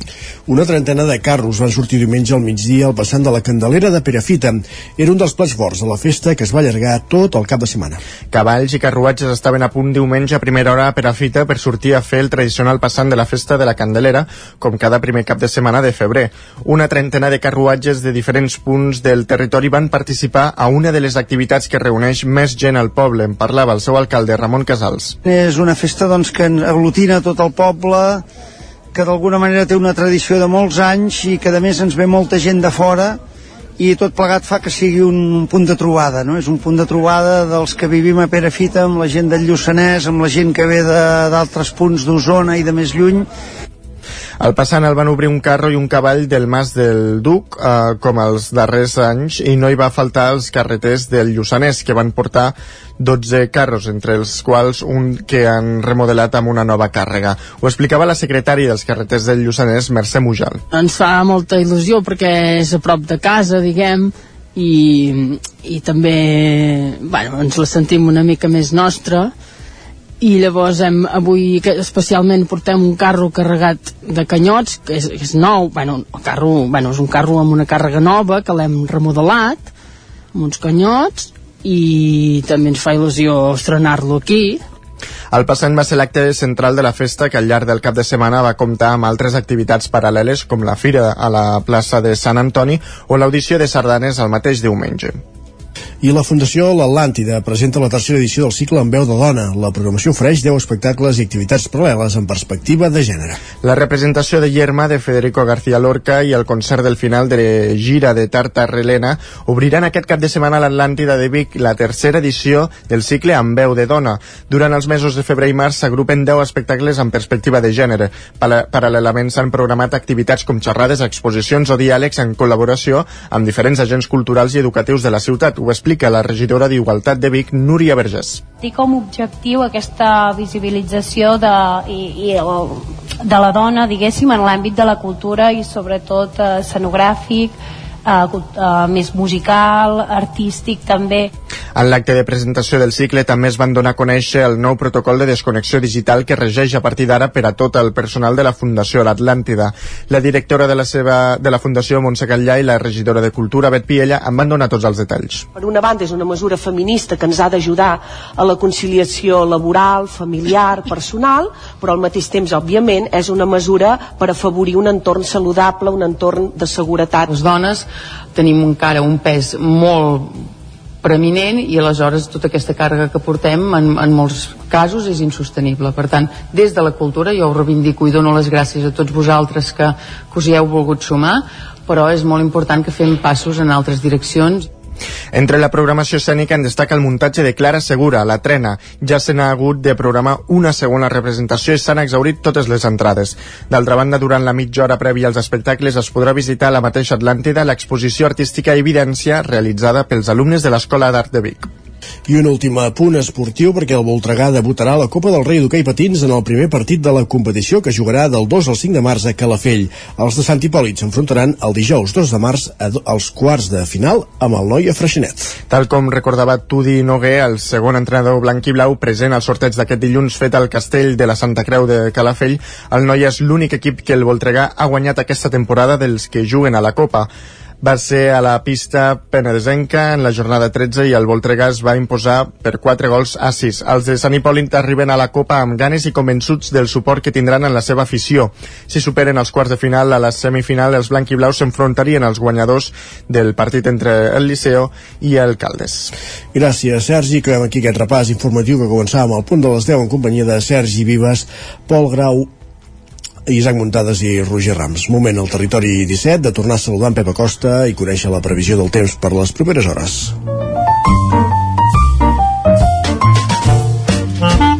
Casa Terradellos us ofereix el temps. Pep, bon dia. Hola, molt bon dia. Aquest temporal ja va passant, va passant, però encara tenim la traca final, les escorrialles. Encara va ploure una mica aquest matí, les temperatures no han baixat tant, eh, poques glaçades només a la a alta muntanya. Durant el dia les temperatures pujaran perquè no estarà tan tapat com ahir, no serà un dia passat per puja com ahir i anirà sortint al sol. Les temperatures, per tant, pujaran una mica. La majoria màximes eh, entre els 7 i els 12-13 graus a tot estirar. De cara a la tarda hi ha força inestabilitat encara i no descartem alguna precipitació sobretot a la zona del Montseny, Guilleries, Coissa Cabra. Igual que ahir, aquestes zones es pot veure més pluja aquesta, aquesta tarda.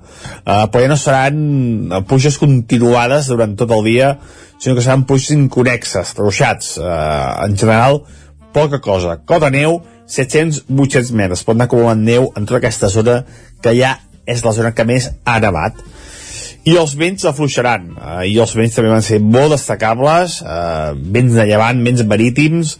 Avui mica mica aniran afluixant aquestes bandades. I això és tot, a disfrutar del dia d'avui, a disfrutar d'aquesta d'aquest temporal que encara continua una mica, però ja dic que va, va a la baixa. Moltes gràcies, fins demà, adeu.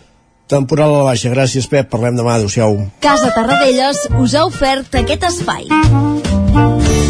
Territori 17. Envia'ns les teves notes de veu per WhatsApp al 646 079 023. 646 079 023. WhatsApp Territori 17.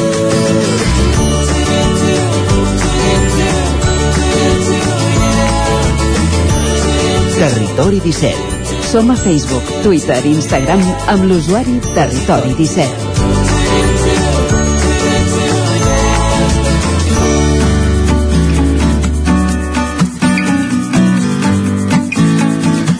I el Territori 17 són la sintonia del Territori Sostenible, l'espai que cada setmana des d'Ona Codinenca ens porten Jordi i Givert per conèixer iniciatives que es fan a casa nostra.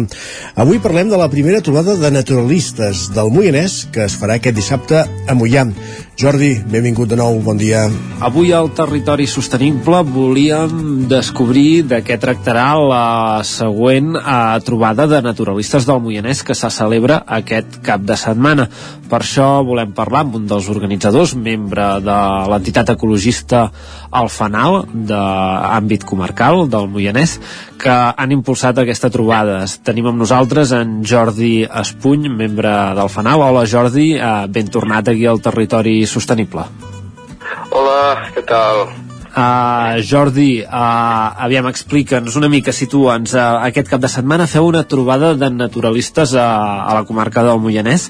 Uh, com surt la idea de- d'organitzar-la?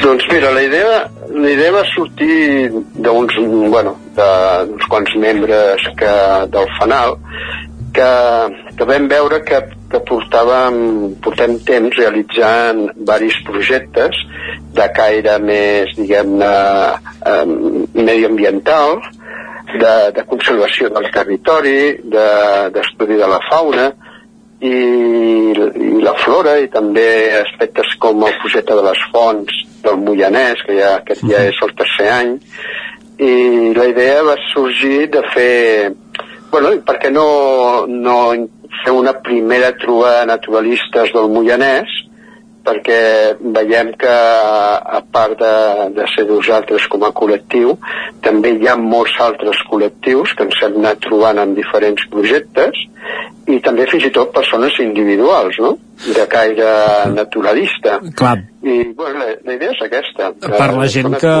que, no, que no situï el, el, els col·lectius eh, naturalistes, ecologistes de la comarca del Moianès. Ens podries explicar una mica eh, com, quins hi han, com estan organitzats, qui, quins són... Eh, hem parlat amb alguns quants projectes que hi han de, de censos d'animals, el tema de les fonts que ens comentaves tu ara, eh, a nivell de- de- d'entitats de, i de gent, qui, qui està treballant en aquests temes a, a la comarca del Moianès?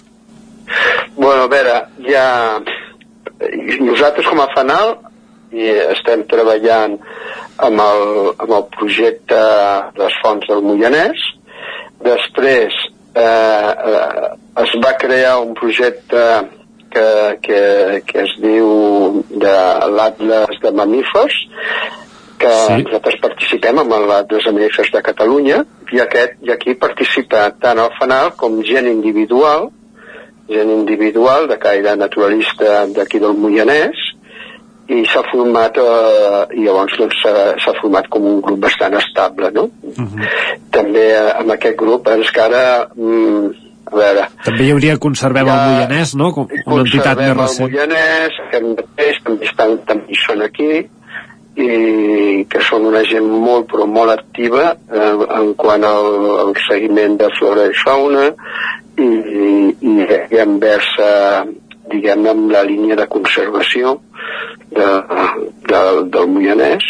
I després, doncs, a veure, també hi ha, hi ha altres... Bueno, ja sabem que aquí al Moianès també hi ha un grup que és de, de Flora de Catalunya, que, que, que, són, que és una gran entitat i tenen diferents grups o delegacions distribuïdes pel territori. Després hi ha, hi ha un altre grup que, que es diu Valor Natura, aquesta gent estan a, a Castellterçol, Eh, i, i bé, i després hi ha, hi ha Gent a títol individual, no? Això mateix, vull dir que els han anat descobrint, eh? Penseu que aquí també al Moianès hi ha, hi ha un grup de de- d'ornitologia molt important també, que està format per gent del Moianès com de fora del Moianès, però que són, són molt actius amb el seguiment de les aus. Uh, llavors, la, quina és la voluntat a l'hora de, de fer aquesta, aquesta trobada? Què, de què tractarà? Què, què hi tractareu en, durant, a, Bueno. durant la jornada? Bé, doncs, com a primera trobada és sobretot conèixer-nos, conèixer-nos, conèixer eh, els diferents grups ben bé i participants i gent individual que naturalista del Moianès, conèixer-nos, veure més o menys quines són les nostres línies d'actuació, en què, en què ens dediquem o què ens atreu més o, o què fem, i bàsicament i després la idea com va sorgir és ostres, poder, es podrien crear sinergies no?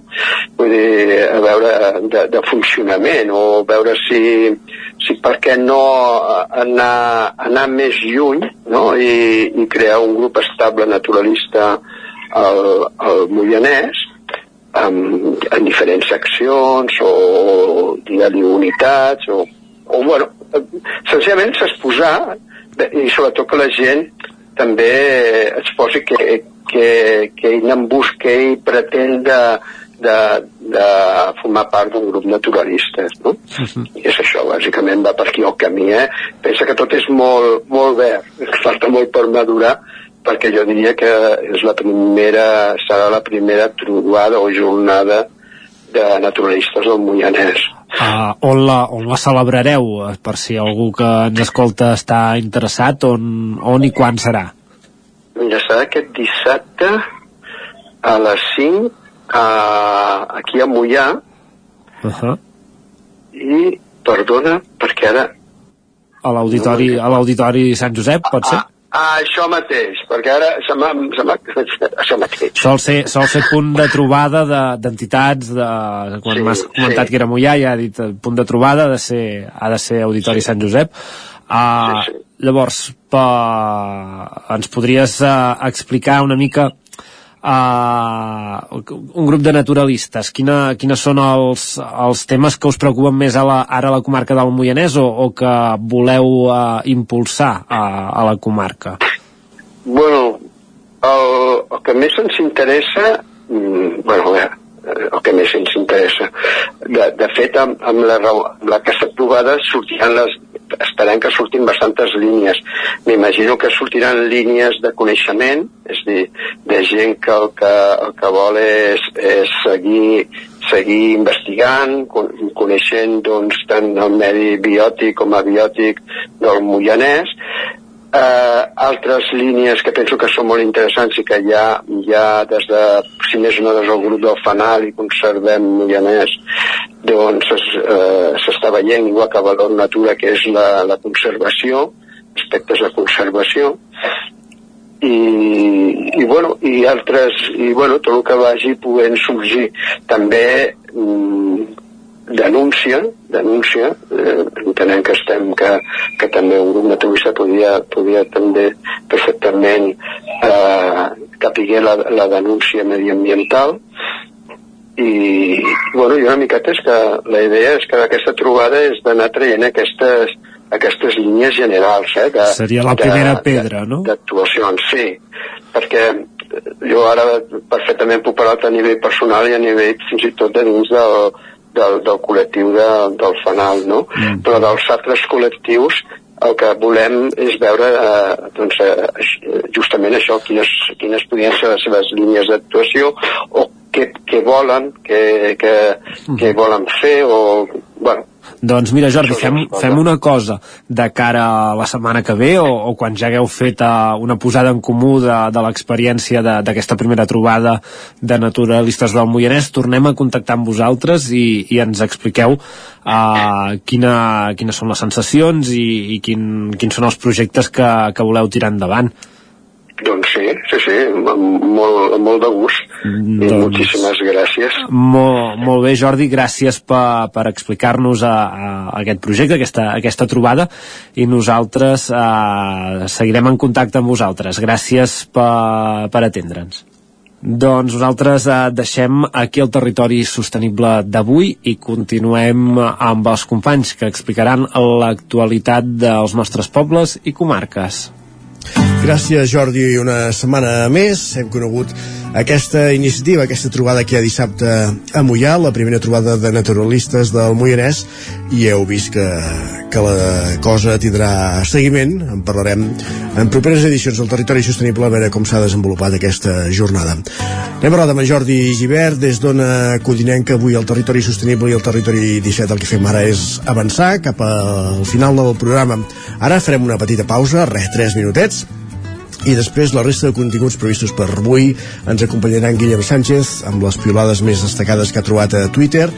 I acte seguit en Jordi Soler a l'alegria interior avui parlant de les faules i valors. Acabarem el programa parlant recuperant la figura de Josep Maria Espinàs. Aquest matí es fa el seu funeral. L'escriptor barceloní que moria diumenge als 95 anys.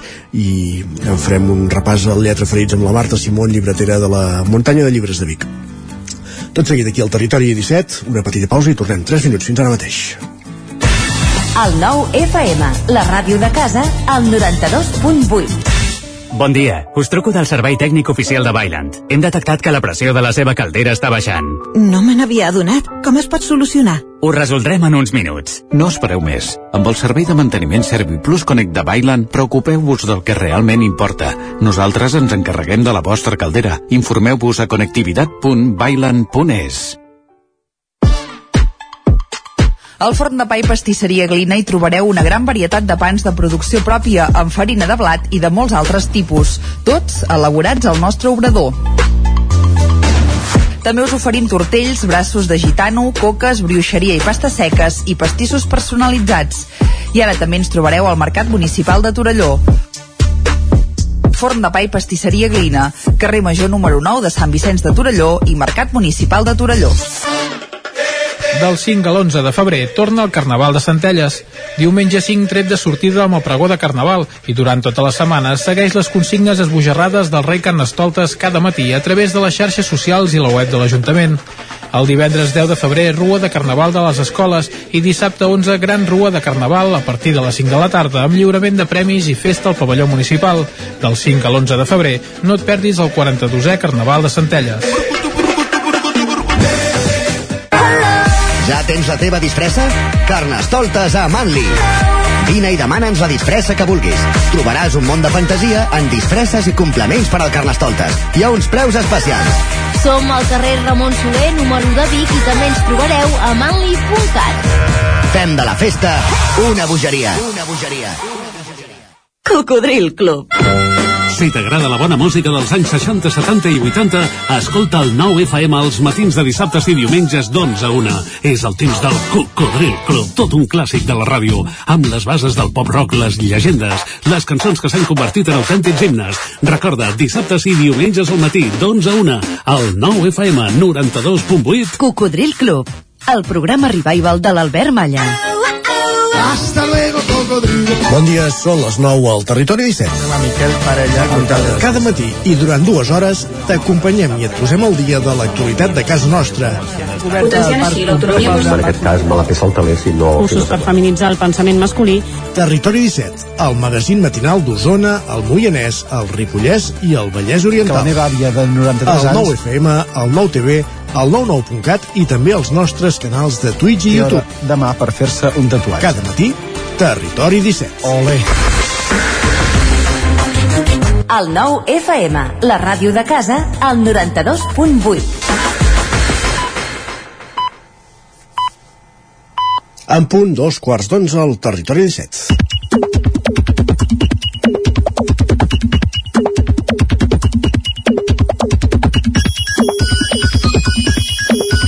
I a dos quarts d'onze és l'hora Sánchez, al territori 17. És moment de saludar en Guillem Sánchez i que ens deleiti amb les pilades més destacades que ha trobat a Twitter. Bon dia, Guillem. Quin nivell i quina pressió que m'estàs posant, eh, Isaac? Bon dia, bon dia. Avui la cosa va de neu o no? Avui la cosa va de neu al principi perquè, de fet, sí, em sembla que tots estem una mica més tranquils que, que ahir a la tarda, principalment, i hem de repassar una mica el show aquest que hi va, que hi va haver i tot el tema que hi havia al voltant de la neu i la llevantada. De fet, l'Oleguer ens escriu està nevant heavy al meu poble, però ja veuràs que quan hi vagi jo no hi haurà ni un polsim de neu. Bé, si, si triga gaire a anar-hi, clar, és que avui ja... De, depèn quin sigui el poble. Depèn quin sigui el poble i depèn també el temps que... Que trigui a tornar. Sí, sí. Faci, clar, si torna divendres segurament ja no, ja no quedarà res. El nostre company l'Agustí Danés també ens escrivia ahir. A veure, diu, de neu a la carretera no n'hi ha, però el show a la C-17 és de campionat. Els humans som especialistes creant problemes del no-res, però també som molt bons solucionant-los. Diu, el saldo en surt a favor. Ah, doncs si surt a favor ja està. És un tema també per discutir, eh, si Sí. el saldo surt a, a favor, perquè uh, l'embossada d'ahir a l'alçada de, de, de, De Tona. Tona té una mica de tela. Va, en dies de neu i de pluja, problemes de la vida moderna. La Marta que ens comenta 2023 i ningú ha inventat encara una eixugaparabrises per a ulleres. M'esperava molt més del futur, la veritat. També. És que clar, què fas? Quan està plovent potser no portes paraigües o portes una caputxa que no t'a- no no t'acaba de tapar. Què fas? Te les vas netejant cada 3 segons o ja passes, te les treus? És un problema, realment, sí. És un problema. Va, ella mateixa ens escrivia he pensat que era bona idea agafar l'autobús que circula pel poble per tornar a casa i no mullar-me. Diu, doncs l'autobús es pensa que està jugant al Gran Theft Auto. Quin poble tens, un autobús que volta pel poble? Clar, ja, ja ser una mica gran aquest poble, no? una miqueta, una miqueta. Però clar, bueno, perquè no tingui referències pel Gran Theft Auto videojoc en què un dels estímuls eh, principals era poder conduir vehicles eh, per la carretera sense cap tipus de norma eh, i arribant a ser perseguit per cotxes de policia per intentar escapar de, dels problemes que generaves. Molt bé, molt bé. Va, i bon missatge també el que ens escriu l'Eric, que ens diu en una classe on tothom estava constipat, salta un alumne i diu estem fets caldo, Eric. Abans que pogués dir res, salta un altre i ens diu al cap de setmana estàvem amb màniga curta, xumats i menjant calçots i avui veient com neva. Com vols que estiguem? Diu, good vibes, enveja sana.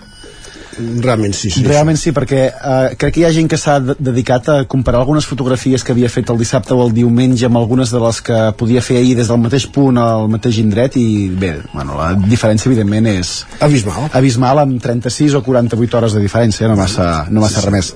És el que tenen els temporals. Correcte. Canvien la, la, el, el paisatge amb, amb un res i no res. I també és d'enveja, Isaac, quan pots fer això. Ens Ja. escriuen el plaer desbocat de posar-te el pijama i els paucs. Oh. Tens paucs a casa? No. N'havies tingut o n'has tingut mai? Uh, no. És que també és un gran moment aquest, eh? També, un moment pauc. Peus calents, cos calent, i un altre debat que també podríem obrir aquí és si el pijama s'ha de posar després de passar-lo una estona pel radiador perquè estigui una mica calent o te l'has de posar directament de sota el coixí de, del llit. Ai, Déu. Aprofitar quan fas la... quan poses la pizza al forn i poses el pijama també. Correcte, correcte. Va, i segurament ahir a la carretera no era un dia per posar en pràctica això que ens remarca la Glòria en aquest missatge. Ens escriu M'agradaria tenir l'autoestima dels conductors de camions que es veuen capaços d'avançar a 90 km per hora a un altre camió que va a 89 km per hora. Sí.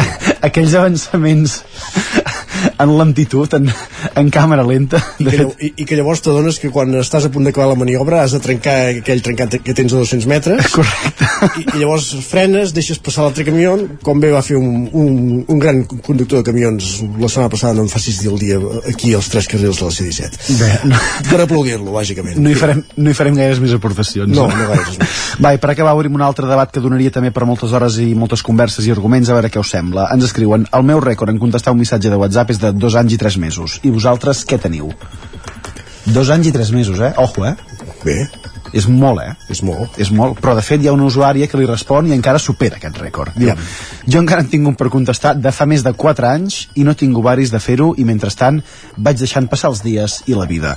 I el mateix usuari que ha posat el primer missatge li respon només pot ser del cobrador del frac o d'un ex. Per quin, per quin n'apostes o per quin et quedaries? Per l'ex, sempre és més noble. Per l'ex. Doncs buscarem a veure si hi ha alguna resposta que ens confirmi d'aquí d'aquest missatge que fa 4 anys o més de 4 anys que no, que no obre aquest usuari a la, la Laura. Gràcies, Guillem. Va, que vagi molt Ara.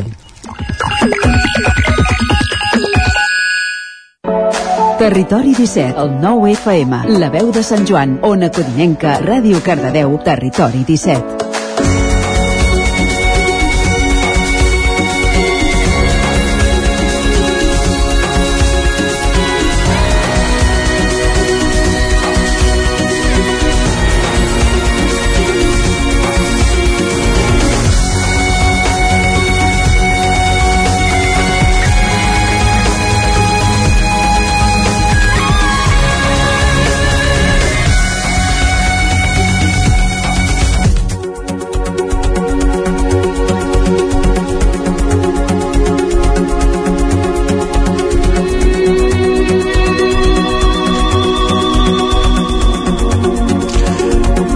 Doncs va, passen 6 minuts a dos quarts de 11 del matí i ens acompanya ja l'estudi del nou FM en Jordi Soler, disposat a una nova edició de l'Alegria Interior. Jordi, benvingut, bon dia. Molt bon dia.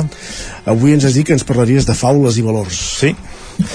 Jo entenc que si coneixeu una mica l'escala dels nivells neurològics i anem pujant graons, arribem a un graó important que són els valors eh? vull dir que passem per l'entorn passem per les conductes les capacitats, les creences i arribat al, a l'estadi aquest dels valors que resideixen en, un, en el que en diem el, el nostre món intern eh? Vull dir, una part més profunda que crec que val la pena veure una mica d'on apareixen i entendre una mica aquests valors que tenim personals no? que, que es van formant amb l'educació que rebem, amb l'entorn, no? la, la família, hi ha tot un seguit de factors que, bueno, que, que ajuden a definir-se, ajuden a crear aquests valors.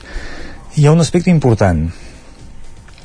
Primer tot, entendre que aquest, uh, aquest naixement uh, es produeix en una etapa molt, molt des de la infància, no? des de des dels primers anys ja anem definint i anem formant una mica aquesta personalitat, aquests valors uh -huh. i que aquest element important que avui en parlarem són les faules eh? sí. que una cosa molt molt bàsica, molt essencial no? aquestes històries que ens han arribat de diferents maneres i que això d'una forma molt inconscient han anat eh, arrelant, han anat formant, diguéssim, una mica el criteri que tenim nosaltres, les motivacions que tenim nosaltres per, per dur a terme el que, el que fem cada dia, no? I per saber una mica què ens atrau, què no ens atrau, què ens crida, què no ens crida.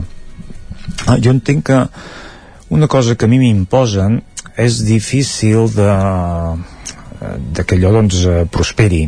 Una cosa que decideixo jo eh, surt de forma automàtica. Els valors surten de nosaltres. Per tant, som nosaltres, el nostre guia intern, el que ens mana, el que ens dicta, el que ens diu una mica cap on hem d'anar, què és el que està bé, què és el que està malament aquesta part, aquest guiatge intern, l'origen, eh, com hem dit abans, dir, pot ser de, de moltes maneres, però quan es produeix, eh, no sé, quan tens 4 anys, quan tens 5 anys, podríem dir que això t'acompanya ja fins, eh, fins al dia que et mors. Vull dir que quan tu consideres que una cosa està bé o està malament perquè ho has, ho has rebut eh, amb aquesta edat, abans dels 7 anys, això és fàcil que ho mantinguis doncs les faules uh, tu Isaac, si ara et demanés una faula que, que et cridi molt l'atenció una que dius, home, molt bàsiques eh? és que són les bàsiques quina, per quina començaries? Quina és la que dius, ostres, aquesta, mira, sempre m'havia cridat l'atenció.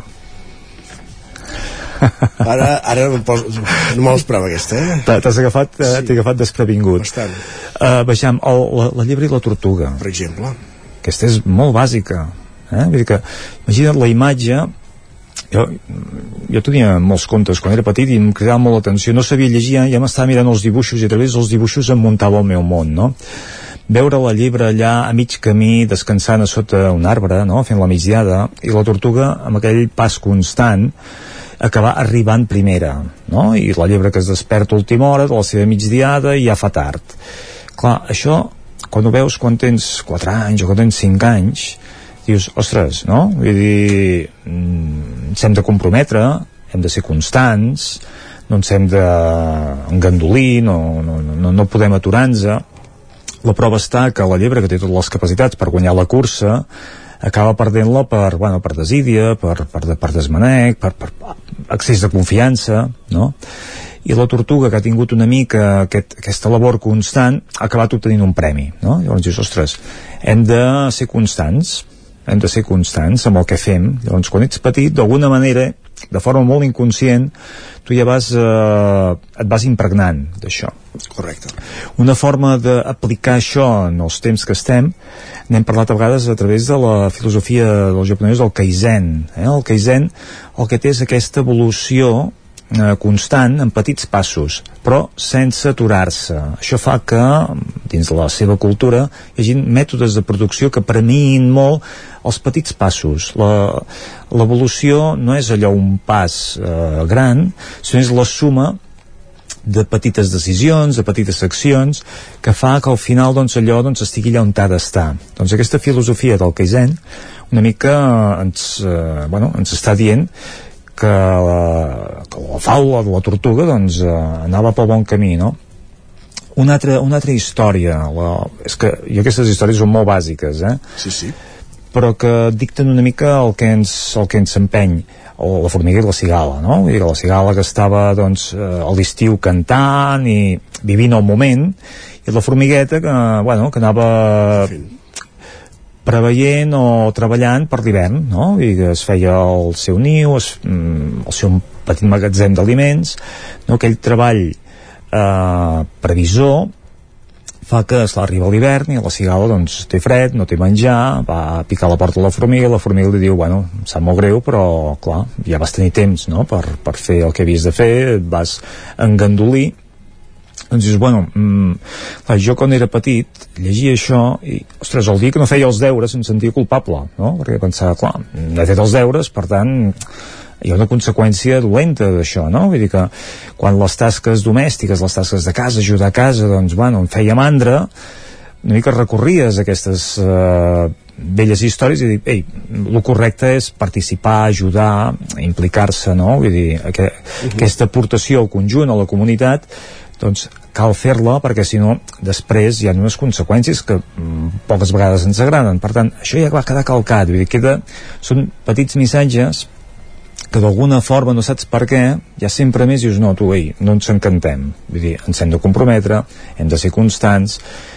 N'hi ha una altra un, una, una que també em va cridar molt l'atenció i que crec que és important que la recordem, que la veiem ara eh, la psicologia sistèmica, això de la llei de prevalència, les lleis sistèmiques, que ens eh, ajuden una mica a respectar doncs, els grans, no? Era el plat de fusta. La, la faula del plat de fusta eh, era quan el pare, doncs, com deia que l'avi sempre estava trencant els plats i allà les mans li tremolaven, decidia arraconar l'avi en una part de la cuina amb un plat de fusta perquè ja cansat de recollir la trencadissa, doncs, bueno, un plat de fusta no el trencaria, arracona l'avi i el fa menjar a part de la família doncs, amb aquests coberts i plat de fusta no?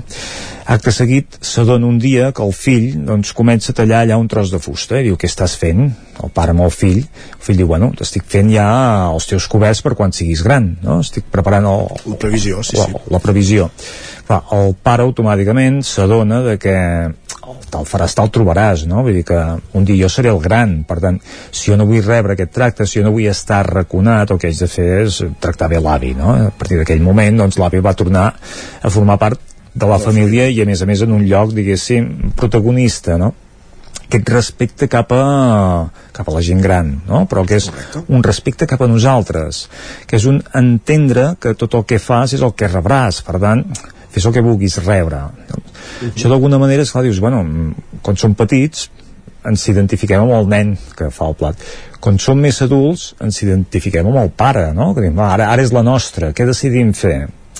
perquè al final, quan arribem sent els avis, si és que arribem a ser avis, doncs eh, dius, bueno, eh, saps que has fet la feina ben feta saps que has fet els passos ben fets no? doncs dic una vegada més jo crec que aquestes petites històries sí. comprar un conte amb un nen els fills i tal és, és important, és una forma d'ajudar-los a, a que vagin formant-se i vagin entenent coses que en la seva vida els hi seran útils eh? i aquests valors amb l'exemple, no? l'entorn familiar amb, amb, amb la part social que puguem dur a terme però també amb aquestes històries, no? I una història en paper ajuda molt. Ara estem molt amb audiovisuals, que estan molt bé, però les històries en paper, jo abans de llegir et dic, mirava els dibuixos i cada dibuix em transmetia, transmetia una història, una sensació. Doncs aquestes petites coses són les que hem de cuidar, recuperar, i inculcar una mica a la canalla i a la gent més jove que són els que realment s'han de formar eh? nosaltres ja tenim les idees una mica programades però la canalla són els que tenen aquesta oportunitat per tant endavant amb les faules doncs endavant amb les faules, endavant amb els llibres i precisament ara el que fem és parlar de, de llibres com cada dimecres. Gràcies Jordi. A vosaltres. Adéu.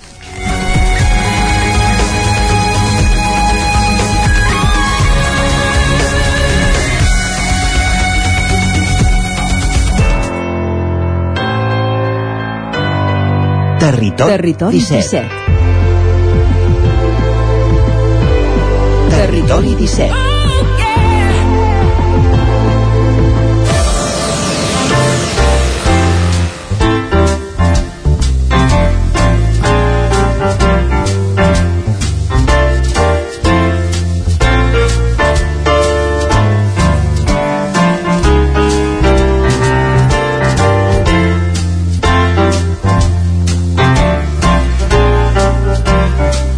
I entrem al Lletra Ferits, la secció que tancarà el territori 17 d'avui, la secció que dediquem cada setmana a parlar del món dels llibres, i avui no podíem fer-ho d'altra manera que recordant la figura de Josep Maria Espinàs, mort diumenge als 95 anys, i figura de la qual avui es fa el funeral. Marta Simón, llibretera, benvinguda, bon dia. Hola, bon dia, què tal? Com estàs? Molt bé.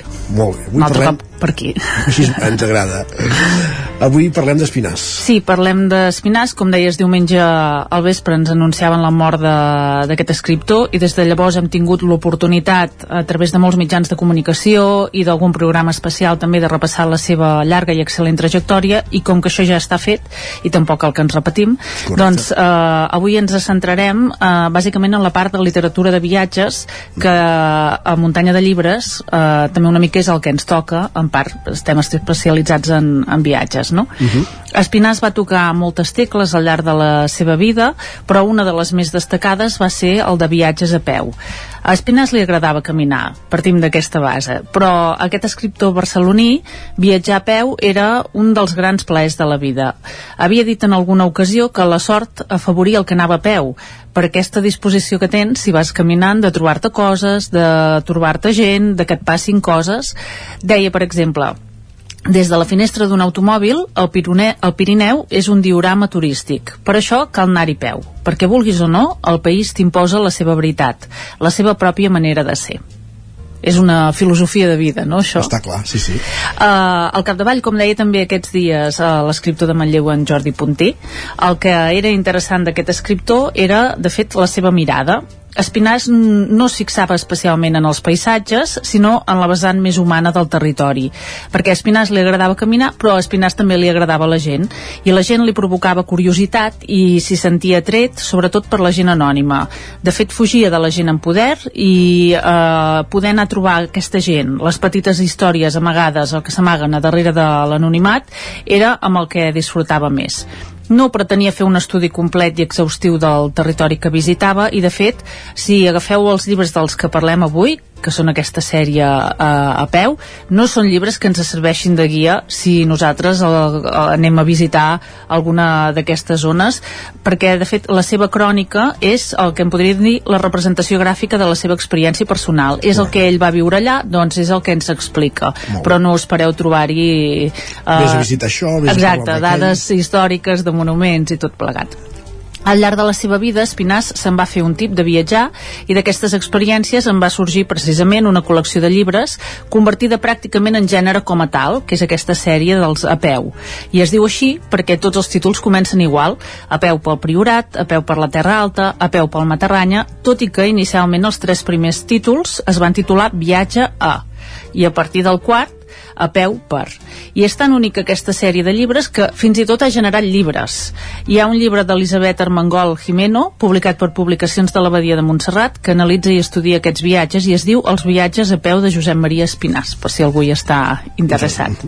La sèrie dels a peu va començar el 1958 amb el Pallars i l'Aran, sense voluntat en aquell moment de convertir-se en una col·lecció. De fet, el Pallars i l'Aran, Espinàs va anar-hi acompanyat, saps de qui va anar acompanyat? Tachan, tachan. D'en Camilo José Cela. Carai. Un escriptor que també va escriure alguns llibres de viatges, però amb un estil bastant diferent, i que de fet va servir d'inspiració per, espin per, a, per Espinàs. Després del Pallars i l'Aran va ser el torn del Priorat i la Sagarra. I amb aquests tres viatges va tancar una primera etapa i 30 anys després, el 1988, va reprendre-la amb una nova tongada de 17 viatges més, aquesta vegada pels països catalans, i després, quan ja el reconeixien massa, va continuar per la península ibèrica. Perquè, clar, al final ja passava això, no? que la gent ja sabia que l'Espinàs anava a voltar per Catalunya, I feia i després, sí, i feia llibres, i després se'l trobaven i ell ja no és el mateix. No? La gent no, no interactuava de la mateixa manera. En total, doncs, van ser 20 viatges, dels quals Espinàs va deixar constància amb l'únic objectiu de satisfer aquella curiositat que esmentàvem abans i conèixer gent de cada indret. Hem trobat una entrevista que li van fer des de CSTV en què ho explica perfectament. No conec gent que hagi fet això d'explorar un territori, escriptors que explorin un territori, no pujar muntanyes, que ho fan els excursionistes, sinó veure com és la gent d'una comarca, eh, dedicant-hi temps i paciència. No ho conec, perquè la gent com l'escriptor de Libes, per exemple, que admiro molt, sí que caminava, però per anar a matar perdius. Tenia un objectiu, no? Jo no tinc cap objectiu. Jo entro, em poso a caminar el primer dia, i si fa sol està bé, si plou també i si veig algú que s'ha interessant que m'explicarà. I si no, sol miraré el paisatge i tindré alguna idea Fa un parell d'anys, des de l'editorial La Campana, de la qual Josep Maria Espinàs va ser un dels fundadors, juntament amb l'editora Isabel Martí, doncs van recuperar els tres primers títols de la sèrie amb un nou format, amb tapa dura, amb una edició més actualitzada i també amb un pròleg d'Isabel Martí que es va repetint a cada llibre. Martí, que va estar al costat d'Espinàs durant molt de temps i que de fet el va acompanyar també en diversos d'aquests viatges, retrata molt bé la manera de fer de l'escriptor i com afrontava aquestes eh, iniciatives, aquests viatges. L'editora escriu que viatjar amb l'Espinàs era una manera d'aprendre a viure escoltant les coses que passen i posant-hi una lupa mental perquè la vida es faci gran i no uns binocles que l'empetiteixin. Tot i aquest anar, anar i venir amunt i avall, no ens hem d'imaginar l'Espinàs, i ara ho deia eh, amb el tall que hem pogut escoltar, no ens l'hem d'imaginar com el clàssic excursionista no. que se'n va a fer cims cada cap de setmana. Eh, era un home de ciutat, era de Barcelona, i ell es definia com un escriptor que camina Explica Martí que en els primers viatges l'Espinàs calçava doncs, les mateixes sabates que podia portar eh, mentre passejava o caminava pels carrers de Barcelona i que va ser ella mateixa qui en el viatge per la llitera va imposar-li per favor, Espinàs, posa't unes bambes per fer quilòmetres i a més a més ampolletes d'aigua també en lloc d'una bota de vi mig buida que quedava com molt bucòlic però que a l'hora de la veritat no servia de res no? No, no massa. i en els primers llibres de fet ell es presenta com a barceloní quan va als, als, Els llocs. als llocs i després ja, ja canvia al llarg dels, de 53 anys Espinàs va recórrer multitud de pobles i territoris què tenen en comú tots aquests, tots aquests espais? Doncs que són llocs no massificats o turístics i que conserven l'autenticitat tant en el paisatge com en els seus eh, habitants. Fins i tot quan viatja a Mallorca tria la Mallorca del centre de l'illa, la Mallorca interior, allunyada de la massificació de la capital o dels pobles de vora el mar. I de fet no l'arriba a veure al mar, encara que sembli impossible en el viatge que fa a Mallorca. També és possible. Per on vas, exacte. exacte. Va, eh, hem parlat de Mallorca, però també podem parlar de Sòria, la Sierra Mágina d'Andalusia, les Villuerques i els Llobres d'Extremadura, el Somontano, Matarranya, Galícia... En aquests viatges, Espinàs a vegades provoca la trobada amb determinades persones i a vegades ho deixa a l'atzar. En qualsevol cas, s'hi acosta amb naturalitat i fugint una mica de l'ànima periodística, de la voluntat d'interrogar. Eh, proper, però sense abusar de la confiança. I en els llibres de viatges d'Espinàs hi trobem reproduïdes moltes converses, de fet, cada vegada més. De fet, l'escriptor transcriu les converses i arriba a menys conclusions, perquè ell creia que els diàlegs ja parlaven per si mateixos. Una de les expressions que utilitzava Espinàs a l'hora de parlar d'aquestes trobades és que cal saber menjar a la taula dels altres. I això ve d'una anècdota que li va passar en un moment del viatge que va fer pel Priorat. Sí. Va anar de convidat a sopar a casa d'un matrimoni i quan va acabar-se l'amanida, en Baptista, que era el senyor de la casa, doncs va agafar el plat amb les dues mans i es va veure les restes d'oli i vinagre que hi havia. I l'Espinàs, després d'uns segons, doncs també va fer el mateix no? que segurament és una cosa que no hauria fet mai a casa seva, no? però era a casa d'en Baptista i en Baptista ho feia, així. I això és una anècdota no? que serveix per eh, exemplificar aquesta voluntat de respectar i aprendre també que tenia sobre la diversitat humana. I per acabar, només comentar que en els seus llibres de viatges Espinàs utilitza el mateix estil, la mateixa prosa que ha caracteritzat sempre la resta de la seva literatura, que és una prosa gens enrebaçada, clara i entenedora, combinant descripcions, com dèiem, amb els diàlegs, i tot sempre amb molt de rima, perquè ell sempre deia que la literatura, com la música, és ritme, i que aquesta sempre hi ha d'estar ben present. I si et sembla, acabaríem amb un fragment d'un dels llibres. Endavant. Quin, quin llibre? Mira, el del Priorat, precisament, però Sí. no és el fragment d'en Baptista, sinó que és un altre, és del moment en què ell ha passat per un poble que és els Guiamets sí. i buscava, ell hi va a l'hora de dinar i buscava algun lloc per dinar i no li donen en lloc. L'envien d'un cantó a l'altre i no, no, no hi ha manera que pugui dinar i ha de marxar cap a un altre poble sense dinar. Pot passar al priorat, això, perfectament. Pot passar. I llavors explica que se'n va anar a Falset després d'aquesta aventura i eh, diu, el dia que passo per Falset trobo un amic. Com li va pel Priorat? Diu, molt bé, un gran país. Vostè ho ha dit, sí senyor. Un país que es fa estimar malgrat tot, li diu l'Espinàs. Diu, l'amic arruga, arruga el front. Malgrat tot? Malgrat que vulguis dinar i no te'n donin. A on? Els guiamets. L'amic em mira amb reprovació. Home, diu, què vol dir, home? Diu, home, Espinàs, vostè també? Si ens hagués avisat, només calia que ens ho digués. Jo obro uns ulls admirats. Jo em pensava, diu l'Espinàs, que en el nostre país només calia demanar una mica de dinar perquè te'n donessin. Home, diu l'amic, no li sembla que és una mica trist haver de dinar per recomanació? Jo no duia barba de bandoler ni cartera d'inspector. Jo era un xicot amb un serró, una boina i unes sabates plenes de pols honestíssima. Eren les dues de la tarda, no demanava llagosta, sinó un parell d'ous ferrats amb patates, i naturalment pagava. pagava. Home, repeteix l'amic. I l'Espinàs conclau, diu, és feixuc a vegades estimar el propi país, estimar-lo tant que un necessiti trepitjar-lo, no glorificar-lo des del menjador de casa, tant que un necessiti parlar-ne amb fidelitat, no amb adjectius deliciosament arcaics i perfumats trobats als diccionaris, tant que un n'apunti a les grans meravelles però no sigui prou caut per callar-ne els petits defectes. És dolorós a vegades, ara, estimar tant el propi país que un vulgui ajudar a fer-lo millor és dolorós i potser temerari, però qui pot dubtar davant del nostre país entre el dolorós amor i la tranquil·la indiferència, entre la difícil franquesa i la còmoda complicitat? I ho deixarem aquí. I ho deixarem aquí.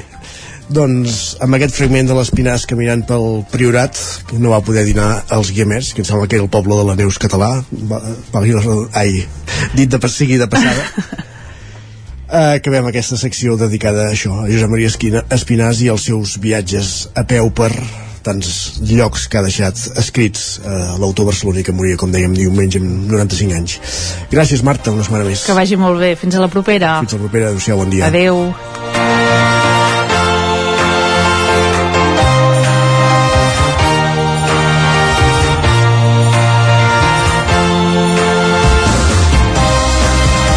Amb el Lletra Ferits acabem el Territori 17 d'aquest dimecres 8 de febrer de 2023. Un Territori 17 que començàvem a les 9 del matí en el qual us hem acompanyat des d'aquella hora Pepa Costa, Roger Rams, Isaac Muntades, Pol Grau, Jordi Givert, Guillem Sánchez, Jordi Soler, Marta Simón, Sergi Vives i Isaac Moreno.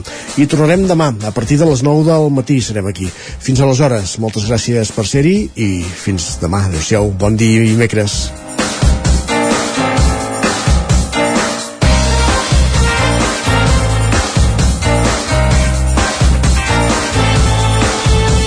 Territori 17, un magazín del nou FM. La veu de Sant Joan, Ona Codinenca i Ràdio Cardedeu amb el suport de la xarxa.